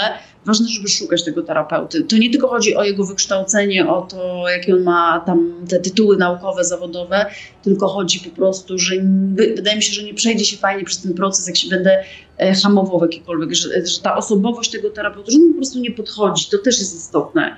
E, On ma być. Ja wychodzę z założenia, że samolot, samolot posiadając skrzydła, no może to jest szybowiec, ale szybowiec nawet bez wiatru nie poleci. Więc dla mnie leczenie nerwicy to polega na tym, żeby owszem skorzystać z farmakologii. Wydaje mi się, że to jest pierwszy, przynajmniej w moim przypadku, to był Tak. pierwszy etap. E, e, wyczekanie momentu, aż e, farmakologia zacznie działać i potem jest gotowość na pójście na terapię. Faktycznie, tak, tak. Bardzo często pacjent jest w takim stanie fizycznym, ma tak już nasilone somatyzację, że bez zluzowania tego chemią yy, nie może ruszyć z terapią i to czasami jest przykaz terapeuty, że musi iść, bo, bo się wykończy, bo te somatyzacje trwają, one są długofalo, długo, nie? I to Tak. rzeczywiście, jak ktoś nie śpi w nocy albo, ale wiesz, z drugiej strony, jak jesteś w kontakcie z lekarzem i masz po, na przykład też powiedzieć o tych efektach ubocznych, to też jest znów ważne, że czujesz się bezpiecznie, bo on ci mówi, wytrzymaj jeszcze kilka dni, zmienimy, zobaczymy. E, tak może być, no nie, to nie jest nic, e, e, nie, że to jest do przewidzenia, że mogłeś. I też musimy się w tym czuć bezpiecznie i z psychiatrą, i z psychologiem, i z psychoterapeutą. I wtedy, I wtedy mamy, tak jakby chwytamy parę rzeczy, ale tak naprawdę to jest cały, całe takie podłoże do tej pracy terapeutycznej, ale tak jak mówisz, powinno według mnie się podążać za tobą, powinno się podążać za e, też intuicją i ty wykonujesz kawał, kawał tej roboty i nie chciałabym, żebyś się czuł samotny, nie? ale żebyś też czuł, jaką robotę jaką robotę No tak, ale to też świadomość tego, jaką robotę wykonuję, też zajebiście wpływa na moje poczucie własnej wartości, która kiedyś była taka, jaka była. No a teraz wy widzicie, słuchacie, bo ja widzę Mariusza, jak rozmawiamy. Nie jest idealnie, bo nie mogę powiedzieć, że już jest cudownie i wspaniale i fantastycznie, ale jest, Autentycznie. ale jest autentycznie i jest zdecydowanie lepiej niż było. Tak, i już wiecie, dlaczego Mariusz będzie ze mną tworzył ten podcast, dlaczego po prostu wystarczyło z nim zamienić kilka słów, żeby wiedzieć, że oto jest ośmiotysięcznik, jest ich na świecie tylko kilka i po prostu e, z, e, przydarzył się jak ślepej kurze ziarno. E, Naprawdę e, to jest to, to jest to i po tym pierwszym odcinku już na pewno wiem, że to, była, to było e, dobre, to jest dobre. Ja tylko na koniec chcę powiedzieć, że e, trzymam bardzo mocno kciuki za wszystkich lękowców. Wierzcie, że to jest przygoda, którą, która jest straszna, bo to trzeba powiedzieć, że to jest straszna przygoda, przynajmniej na początku, ale jest to przygoda do przejścia. Eee, pomyślcie, że jak macie z tym problem, to wyobraźcie sobie siebie samego jako Indiana Jonesa smagającego biczem po tych wszystkich lękach, a zaraz się jakoś na sercu robi, lżej. E, No i na koniec już tak technicznie chciałem powiedzieć tylko, że nagrywaliśmy na mm, dosyć amatorsko, więc wybaczcie nam wszelkie niedociągnięcia. E, Wydaje mi się, że liczy się jakby treść e, tej zupy, a nie w jakim talerzu ją podano. Więc Tak. e, przełknięcie jak najbardziej wszelkie niedociągnięcia w audio i tak dalej. Wydaje mi się, że ta rozmowa może pomóc. Trening uczyni nas e, lepszymi mistrzami. Myślę, że to jest kwestia treningu. Ja się pierwszy raz zmierzę tutaj z, z taką formą jakby e, prowadzenia, prowadzenia rozmowy. Nawet jakbyśmy rozmawiali na żywo, to te wszystkie mikrofony, ta elektronika, to ja się tego muszę nauczyć. No, nie jestem ciekawa tego, podchodzę z ciekawością, ale myślę, że gdybyśmy też nie spróbowali najprostszą metodą, to z uwagi na ilość zajęć, z uwagi na nasze tam życie osobiste, my byśmy tego nie zrobili. Nie ma znaczenia. Najważniejsza jest nasza intencja. To, co Tak. mówiłem wcześniej. Intencja jest taka, że robimy to z dobroci serca, żeby pomóc innym ludziom, którzy dopiero zaczynają tą przygodę. Tak. I e, także nie patrzcie na, na talerz, tylko patrzcie na zawartość e, talerza. A zupa wam, będzie wam na pewno smakować. Mm. Dobre, dziękuję No Ci bardzo. Kończymy jadowie też. Było zajebiście. Tak. Jestem zachwycona. Mam taką po prostu euforię, że ja nie wiem, jak ja pójdę spać. To są rozmowy w ciszy nocnej. E, no. Teraz, e, teraz musisz wyłączyć nagrywanie. Dobra, już wyłączam.